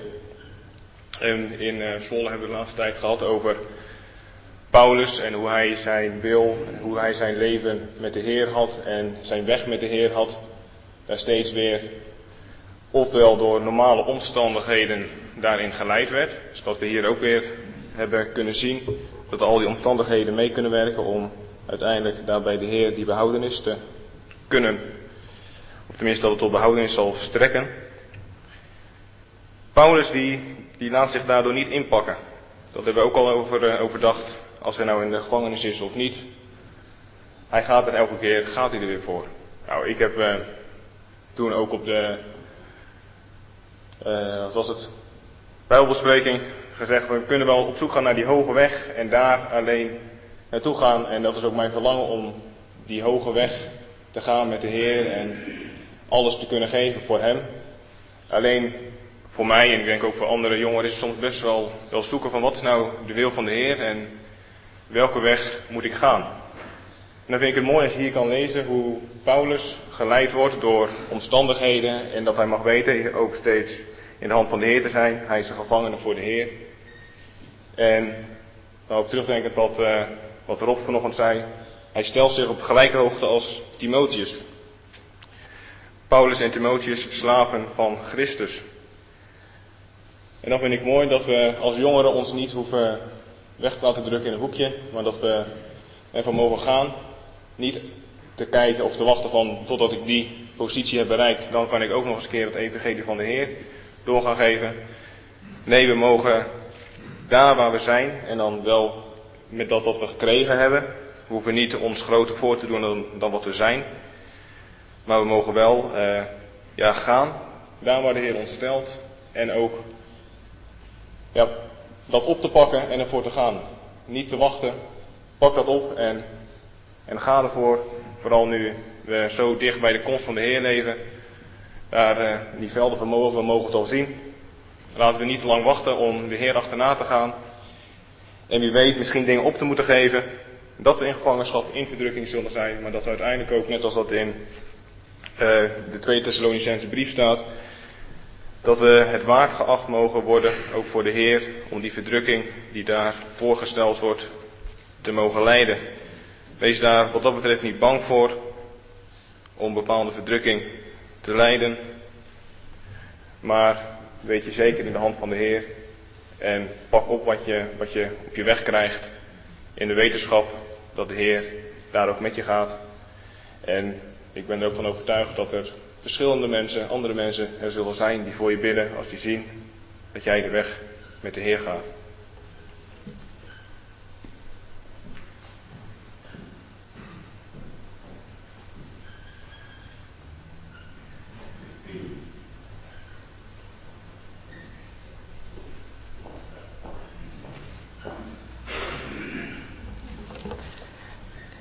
Ik denk dat dit iets geweldigs is dat wij persoonlijke die wij met de Heer beleven, dat die altijd ook een invloed hebben op anderen. Wij zijn geen Einzelgänger. Iedereen die hier zit, heeft een invloed op deze sfeer hier. Hoe je hier binnenkomt, hoe je hier zit. Je gaat iemand beïndrukken. En dat komt Paulus in die eerste versen die vanmorgen voor ons stond te zeggen. In de praktijk van mijn gevangenschap zijn dingen openbaar geworden. En door die praktijk van ons leven worden die dingen openbaar. Wij kunnen menge dingen leren. En jonge mensen moeten leren.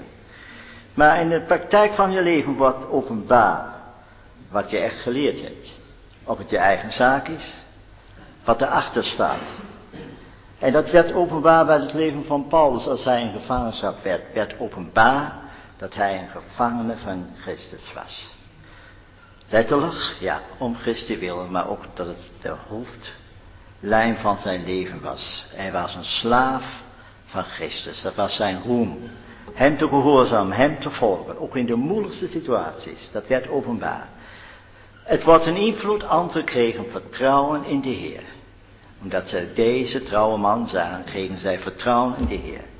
En zij hebben dan uit liefde en uit goed wil of uh, met het wens God te behagen, het evangelie verder verkondigd. En het werd natuurlijk ook openbaar jaloersheid in de harten van sommige broeders. Situatie die we vandaag kennen. Hè? Dat is net in ons midden, overal. Broeder Heikop heeft maar gezegd, die scheuring in ons midden. Als je dat doorgaat van 1872 aan, had meestal als oorzaak jaloersheid onder broeders. En die leerstellige vragen hebben ze achter, achteraf geschoven, geschuift. Er ging meestal dat begaafde leraars weg moesten. Omdat die niet in een partij pasten. En hoe ziet het uit in ons midden? Is het echt zo dat wij zulke zijn die dat geleerd hebben wat Paulus zegt? Ik weet dat dit tot mijn behoudenis zal strekken. Ik weet dat dit een bedoeling heeft voor mij. Wij zien hier eigenlijk net als Mozes zeggen, tegen God zeggen, in Deuteronomie 32, de rots volkomen zijn zijn wegen. Wat de Heer met mij doet, heeft een doel. En dat doel zal hij bereiken. En is dat niet geweldig dat wij leren ja te zeggen tegen onze wegen, die God met ons gaat. Soms zijn ze zo pijnlijk. Voor Paulus was het ook pijnlijk. Pijnlijk de situatie te weten, daar zitten broeders die preken uit jaloersheid om mij zeer te doen. En ook te weten, ik, kan ik heb echte wens het evangelie te verkondigen met een liefde, met goedwil. En ik kan het niet. En je, wat, je ziet daar broeders binnendringen die het dan wel doen met echt een kwade gezindheid. Maar hij kan zijn eigen ik, dat gekwetst was, kan die aan de kant zetten. En dat is eigenlijk die strekking van ik weet dat dit tot mijn behoudenis zal strekken. We hebben gezien, behoudenis heeft in de Bijbel, in het Nieuw Testament, drie grote betekenissen. We hebben in 1 Petrus 1 de behoudenis van ons ziel. Die hebben wij vast en zeker. En die is totaal afhankelijk van God. Daar is niet, geen deel aan van ons.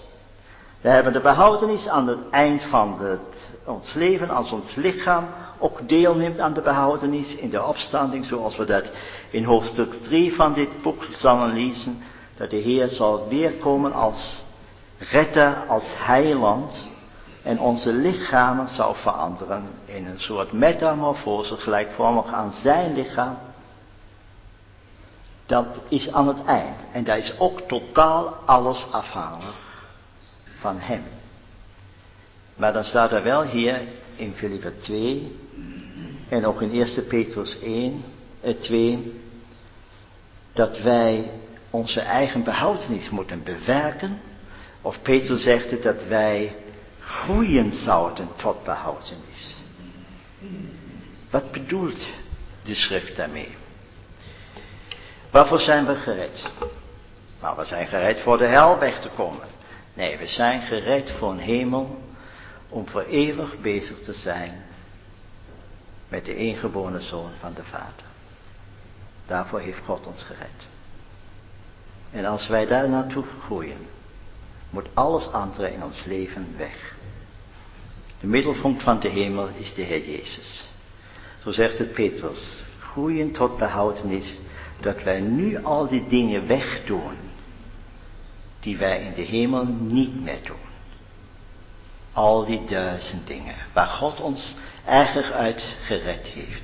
Bewerkt uw eigen redding met vrees en beven. Dingen wegdoen. En hier heeft God, eh, hier kan Paulus zeggen, God heeft iets bij mij gezien. Misschien weet ik het zelfs nog niet.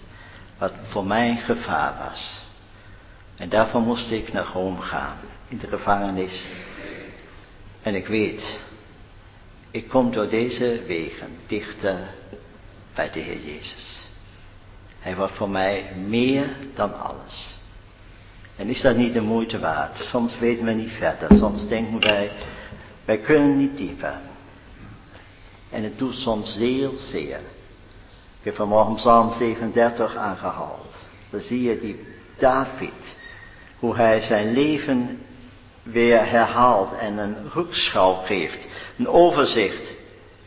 En dan zegt hij, wees niet toornig.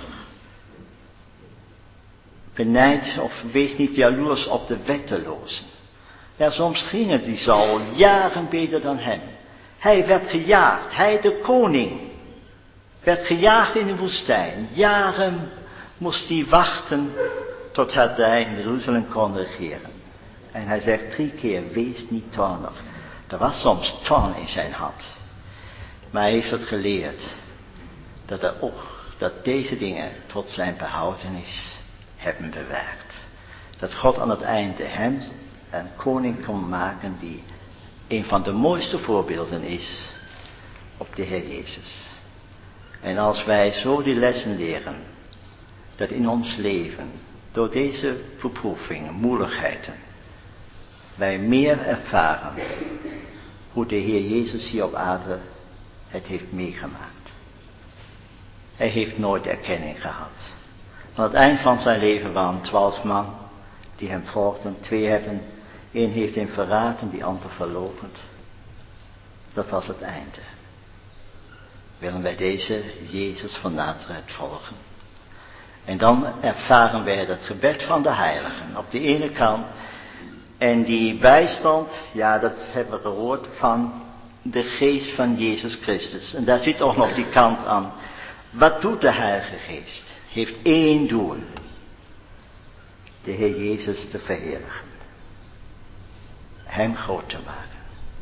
En als we dat beleven, dat de Heilige Geest ons de Heer Jezus dichterbij brengt in al zijn heerlijkheid. Deze Jezus van Nazareth, die de Christus geworden is. Dan zijn we rijk. Dan hebben wij een schat in onze harten. Die ons daarin brengt dat wij ons kunnen verblijden. En ook in de toekomst kunnen verblijden. Omdat wij boven onze omstandigheden verbonden zijn met een verheerlijkte Christus in de hemel.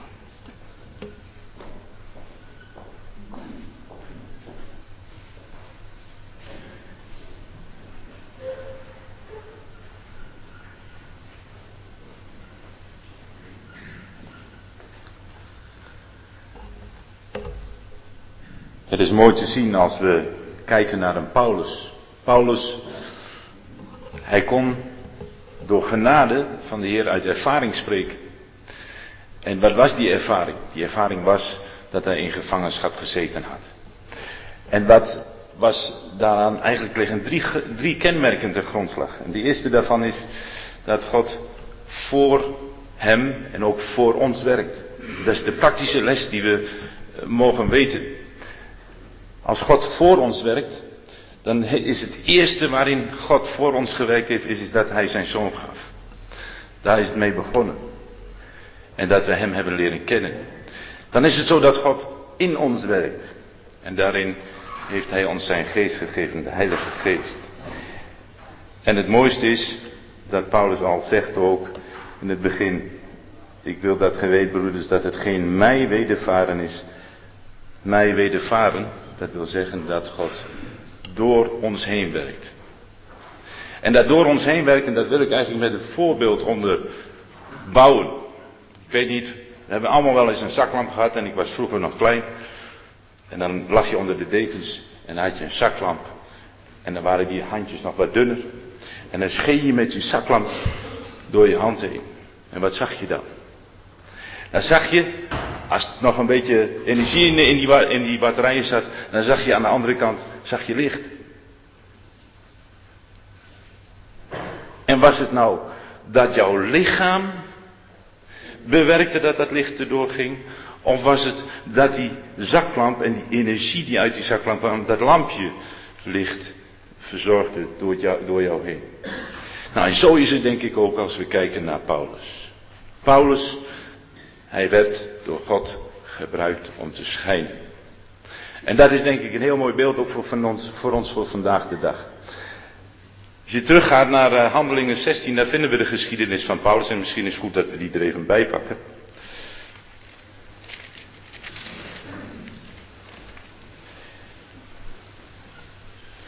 Handelingen 16, dan vinden we dat, dat Philips, of, of dat, uh, dat, hij, uh, dat Paulus gevangen genomen werd, samen met, met Silas. En wat was daar aan de orde? Ze zaten daar in de gevangenis. Nou, dat waren geen omstandigheden waarvan je zegt van dat was door hun zelf bewerkt. Nee, zij hadden iets gebracht waardoor de vijandschap van het, van het volk op hun neerkwam en dat zij dachten van die moeten we aanpakken, want die brengen het volk in oproer. Dat is vandaag de dag datgene wat er gebeurt. Als de Heer Jezus openbaar wordt gemaakt in deze wereld, dan zullen we vijandschap ondervinden. En dat vinden, ondervinden zij ook. En ze worden vastgezet. En dat is zo mooi en dat is al een paar keer gezegd. En dan beginnen ze ergens mee. Ze beginnen met bidden. En daarom is gebed zo belangrijk. Heel erg belangrijk. Maar wat nog mooier is, na dat gebed, dan gebeurt er nog iets meer. Ze gaan zingen. Zingen we nog? Of zijn we zo door de, door de omstandigheden in beslag genomen dat we niet meer bidden kunnen en ook niet meer zingen kunnen. En dat is verdrietig. En daarin heeft Paulus toch wel iets heel moois wat hij naar voren brengt. Van, God werkt door mij heen. En ik denk dat ook de opmerking die, we, uh, die Paulus dan maakt, wat doet het ertoe? Dat dat een opmerking is die in die lijn ligt. Dat hij zegt van ja, ik kan doen en laten wat ik wil. Maar alles gaat door mij heen. God werkt door mensen heen. Daar heb ik helemaal geen invloed op. Net zo goed als dat ze, naast het feit dat ze in de situatie waren dat ze in de gevangenis zaten, daar gebeden hebben, daar gezongen hebben, en als klap op de vuurbal krijg je een aardbeving. Nou, daar zit je op te wachten, toch of niet? Laat me heel eerlijk zijn. Dat, was, dat waren de omstandigheden waar Paulus op dat moment in kwam. En wat gebeurt er? Tot plotseling kwam er een zware aardbeving, zodat de grondvesten de gevangenis schudden. De stond gingen alle deuren open en de boeien van allen raakten los. En de bewaarder, de slaap opgeschrikt, de deuren der gevangenis open staan, trok zijn zwaard en was op het punt zelfmoord te plegen. En dan grijpt Paulus weer in. Kijkt hij om zich heen van jongens, waar gaan al die gevangenen naartoe? Nee. Hij ziet daar iemand die in nood is. En is dat datgene wat hij bewerkt heeft? Nee, dat heeft God bewerkt. Dat we zicht krijgen op de mensen die in nood zijn. Ook vandaag de dag. En dat we dan niet bezig zijn met van waar gaan al die gevangenen naartoe. Nee, dat we kijken naar datgene wat de Heere God dan op onze weg brengt. En ik denk dat dat iets is wat mooi is. En dan zie je ook dat ook Paulus daar de evangelieboodschap kwijt kan. Het is alleen aan ons de vraag, willen wij voor de Heere God een neutrale positie innemen, als ik het dan maar zo mag zeggen, zodat Hij door mij heen kan schijnen.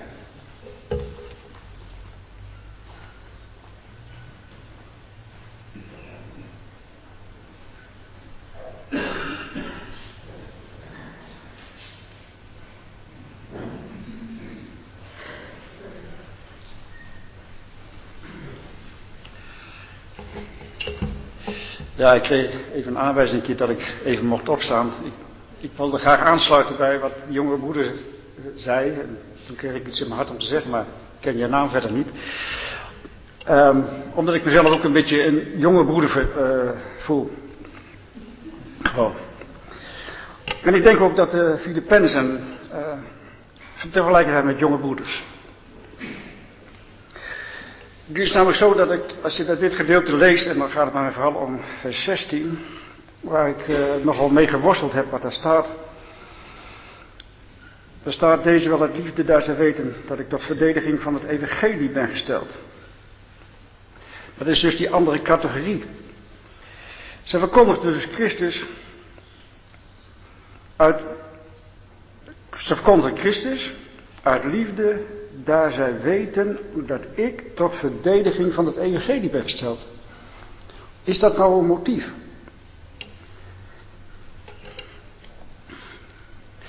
Kun je daar de goede grondslag in vinden om het evangelie te, verkondigen? Ik vind het ook al moeilijk om te zeggen dat als je het evangelie verkondigt uit haat, uit jaloersheid. Maar ik kan me dat voorstellen als je het evangelie kent. Dat je dat uit jaloersheid verkondigt. Maar is dit wat hier bij deze tweede categorie mensen staat, dat ze dat doen op basis van het feit dat Paulus gesteld is tot verdediging van het evangelie. En dat deed mij teruggaan naar het eerste gedeelte, daar ben ik er vorig jaar niet bij geweest, maar daar staat namelijk dezelfde tekst. In vers 7 staat, zowel in mijn gevangenschap als in de verdediging en bevestiging van het evangelie. Daarom hadden zij Paulus in het hart. Dus ook daar zie je dat in beide teksten de Filippiërs geconcentreerd waren op Paulus, wat hij voor hen betekende. dan denk ik u even weer terug aan de jongere broeder en ook aan mezelf. Ik heb jaren geleden ook op markten en pleinen gestaan en andere festiviteiten om het evangelie te verkondigen. En ik verkondigde daar het evangelie omdat ik het evangelie heb leren kennen, omdat ik het lief had. En ik heb het verkondigd omdat ik liefde had voor de Heer Jezus. Maar ik heb het, zoals ik er nu tegenaan kijk, leren zien als een soort tweede niveau. Het is ontzettend belangrijk en Paulus ondersteunt dat ook om het evangelie te brengen. Omdat jij de Heer Jezus hebt leren kennen en dat je voor hem dat doet. Maar in vers 7 geeft Paulus daar een toch iets andere dimensie bij. Of vers, uh, sorry, vers 8. Dan zegt hij, want God is mijn getuige hoezeer ik naar u allen verlang met het hart van Christus. En ik denk dat in de overgang van jong naar oud, en dat is ook denk ik de positie die Paulus de kracht geeft om in gevangenschap echt gevangene van de Heer te zijn, is dat je leert niet alleen liefde te hebben voor het evangelie, liefde te hebben voor Paulus of liefde te hebben voor Christus zelf, maar dat je leert wat het is. De liefde van Christus te kennen. Dat is iets anders. En dat geeft de kracht om in gevangenschap blij te zijn. En dat geeft de kracht om met volle overtuiging, waar dan ook, het evangelie te verkondigen.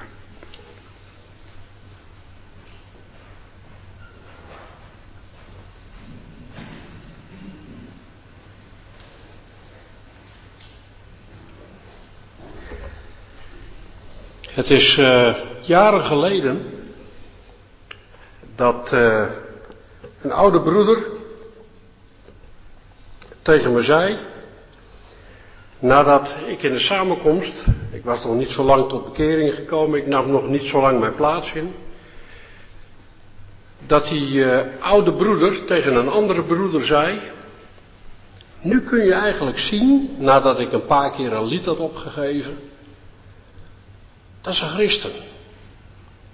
Ik heb er lang over nagedacht toen ik dat naderhand hoorde. Want ik dacht eigenlijk bij mezelf, is dat nou een kenmerk? Als je iets speciaals doet, als je bijvoorbeeld in een bijzondere omstandigheid je geloof in de Heer Jezus vertelt. Hier staat een tekst. In elk geval wordt op allerlei wijze. En nu wil ik een voorbeeld noemen van heel recent. Afgelopen week hadden we een trouwerij. En daar waren maar weinig gelovigen aanwezig. En ik ben heel blij dat mijn zoon en mijn schoonzoon samen overlegd hebben en zeiden: Waaraan kunnen we nu laten zien dat we gelovigen zijn?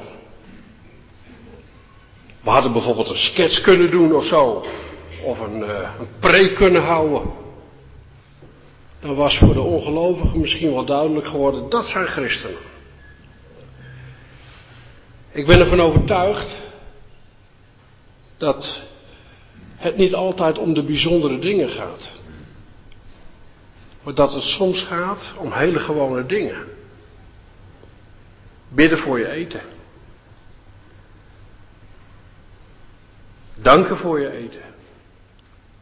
Wanneer iemand in je omgeving vloekt, heel eenvoudig zeggen: Ik hou van de Heer Jezus. Zou je dat niet willen doen? Mijn schoonzoon heeft afgelopen week, te midden van die bruiloft, heel eenvoudig gevraagd: Beste mensen, er zijn hier christenen aanwezig. Zouden jullie even stil willen zijn?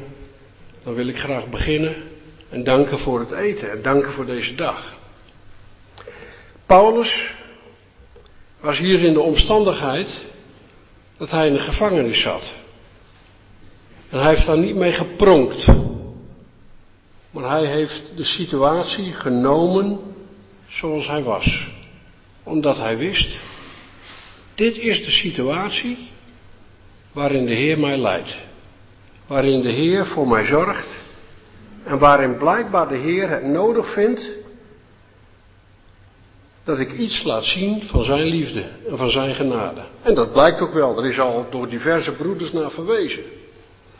En ik zou eigenlijk tegen met name de jongeren, maar misschien ook wel de ouderen, heel eenvoudig willen zeggen. Ons christen zijn hangt niet af van bijzondere omstandigheden. Dat we alleen op hele duidelijke momenten iets uitspreken van ons christen zijn. Dat we houden van de Heer Jezus. Dat we de Heer Jezus als de enige en grootste persoon in ons leven ervaren. Maar misschien, daar spreekt Paulus van, is christen zijn eenvoudig laten zien, laten horen, laten blijken, soms zonder woorden. De Heer Jezus betekent voor mij alles. Dat heeft Stefan bedoeld. Het hangt niet van ons af dat we de grote jongen of vrouw uithangen die iets heeft ontvangen wat een ander niet heeft. En daar mogen we zo nodig een ander mee confronteren. Misschien begint het bij eenvoudige zaken. Danken voor je eten. Protesteren tegen een vloek. Laten blijken dat de persoon van de Heer Jezus voor jou, voor mij, voor u de allerbelangrijkste persoon is. Heel eenvoudig. Simpel zijn. Paulus was heel simpel. Misschien mogen wij ook simpel zijn. Zonder in de gevangenis te zitten. Maar op school. Op de universiteit. In de samenkomst. Overal waar we zijn.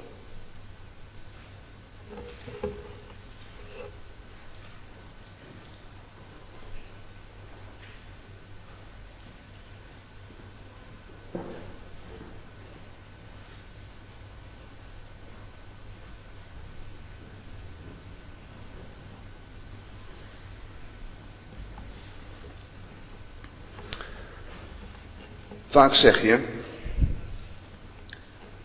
dat Christus mag groot gemaakt worden in mijn leven. En Paulus zegt dat niet. Paulus zegt, en dat is een beetje aansluitend op wat al gezegd is, dat Christus mag groot gemaakt worden in mijn lichaam. Dat is in het lichaam zoals het dat uit in deze wereld. In alles wat het lichaam doet. In alles wat het lichaam, wat je van jezelf vindt. Wat je van jezelf eh, ervaart hoe je er staat, hoe je bent. Jij, zoals je daar zit, kan Christus groot maken in je lichaam. Dat is heel direct. Zoals jij daar zit, kan Christus groot maken. Dat is persoonlijk. Het is onafhankelijk van wat een ander van je denkt en van je vindt. En het is onafhankelijk zoals een ander je ziet en hoe je je kleedt. Hoe je een grijze muis bent. Ik heb alles grijs aan, ik ben de grijs. En geen kleur. En ik doe je doet je niet anders voor zoals je bent. Maar zoals je daar bent, zoals je nu hier zit en zoals je je voelt. En zonder al die maskerade die je hebt, kan Christus groot maken in je lichaam. Dat is bijzonder, omdat Paulus eigenlijk, denk ik, terugdenkt aan 2 Korinthe 5. En 2 Korinthe 5 gaat het een beetje over die verantwoordelijkheid. En hoe je uiteindelijk zult ervaren voor die rechterstoel. Hoe je het gedaan hebt in dat lichaam. Maar daar, daar gaat het over het lichaam. Maar hier staan we op een ander gebied. We hebben het al gehoord, dat in het latere brief staat zijn, dat het lichaam van onze vernedering, 2 Korinthe 5, en wat we daarin gedaan hebben, wat we ervaren van onszelf en wat we ja, gedaan hebben en hoe dat geopenbaard zal worden, dat lichaam zal veranderen tot een lichaam van heerlijkheid, naar het voorbeeld van Christus. Het lichaam is dus belangrijk. Dat zegt Paulus hier. Maar hier gaat Paulus, daar moet hij even naartoe werken. Want dat zegt hij in vers 20. Mijn rijkhalzende verwachting. Velden van Moab, je staat naar het land te kijken. Mijn rijkhalzende verwachting. En let erop, ben je bezig met waar je naartoe gaat? Wat is belangrijk voor jou in het leven? Wat ga je, welke keuzes gaat u, jij maken? Wat is jouw patroon in dit leven? Waar sta je voor? Waar werk je naartoe? Als je naar school gaat, dan probeer je een diploma te halen. Je werkt ergens naartoe. Als je een carrière hebt, je werkt ergens naartoe. Dat is niet onbekend voor je. Om ergens naartoe te werken, naar een doel te hebben. Mijn rijke een verwachting is als christen de hemel. De eeuwige toestand. Is al gezegd. Dat kleine stukje. Maar is het ook daadwerkelijk het doel in mijn leven? Voor Paulus wel. Voor Paulus wel. Mogen we van hem leren. Het tweede wat we van hem mogen leren. Dat we in geen enkel opzicht beschaamd zullen worden. Wauw. In geen enkel opzicht beschaamd zullen worden. Dat betekent dat het vertrouwen wat ik maar heb, zoals ik ben, zoals ik nu hier sta, dat ik in geen enkel opzicht beschaamd zal worden. Hoe? Dat ik niet beschaamd zal worden in mezelf. Elke dag. Maar ik zal niet beschaamd worden over de dingen die hij met mij voor heeft. Zoals Paulus daar spreekt. Het vertrouwen op Christus. Het, de dingen die hij zal doen in mijn leven. Ik zal in geen enkel opzicht beschaamd worden. Beste jongelui, ouderen, leeftijdsgenoten. In geen enkel opzicht zullen wij beschaamd worden in ons leven. Dat is wat Paulus zegt.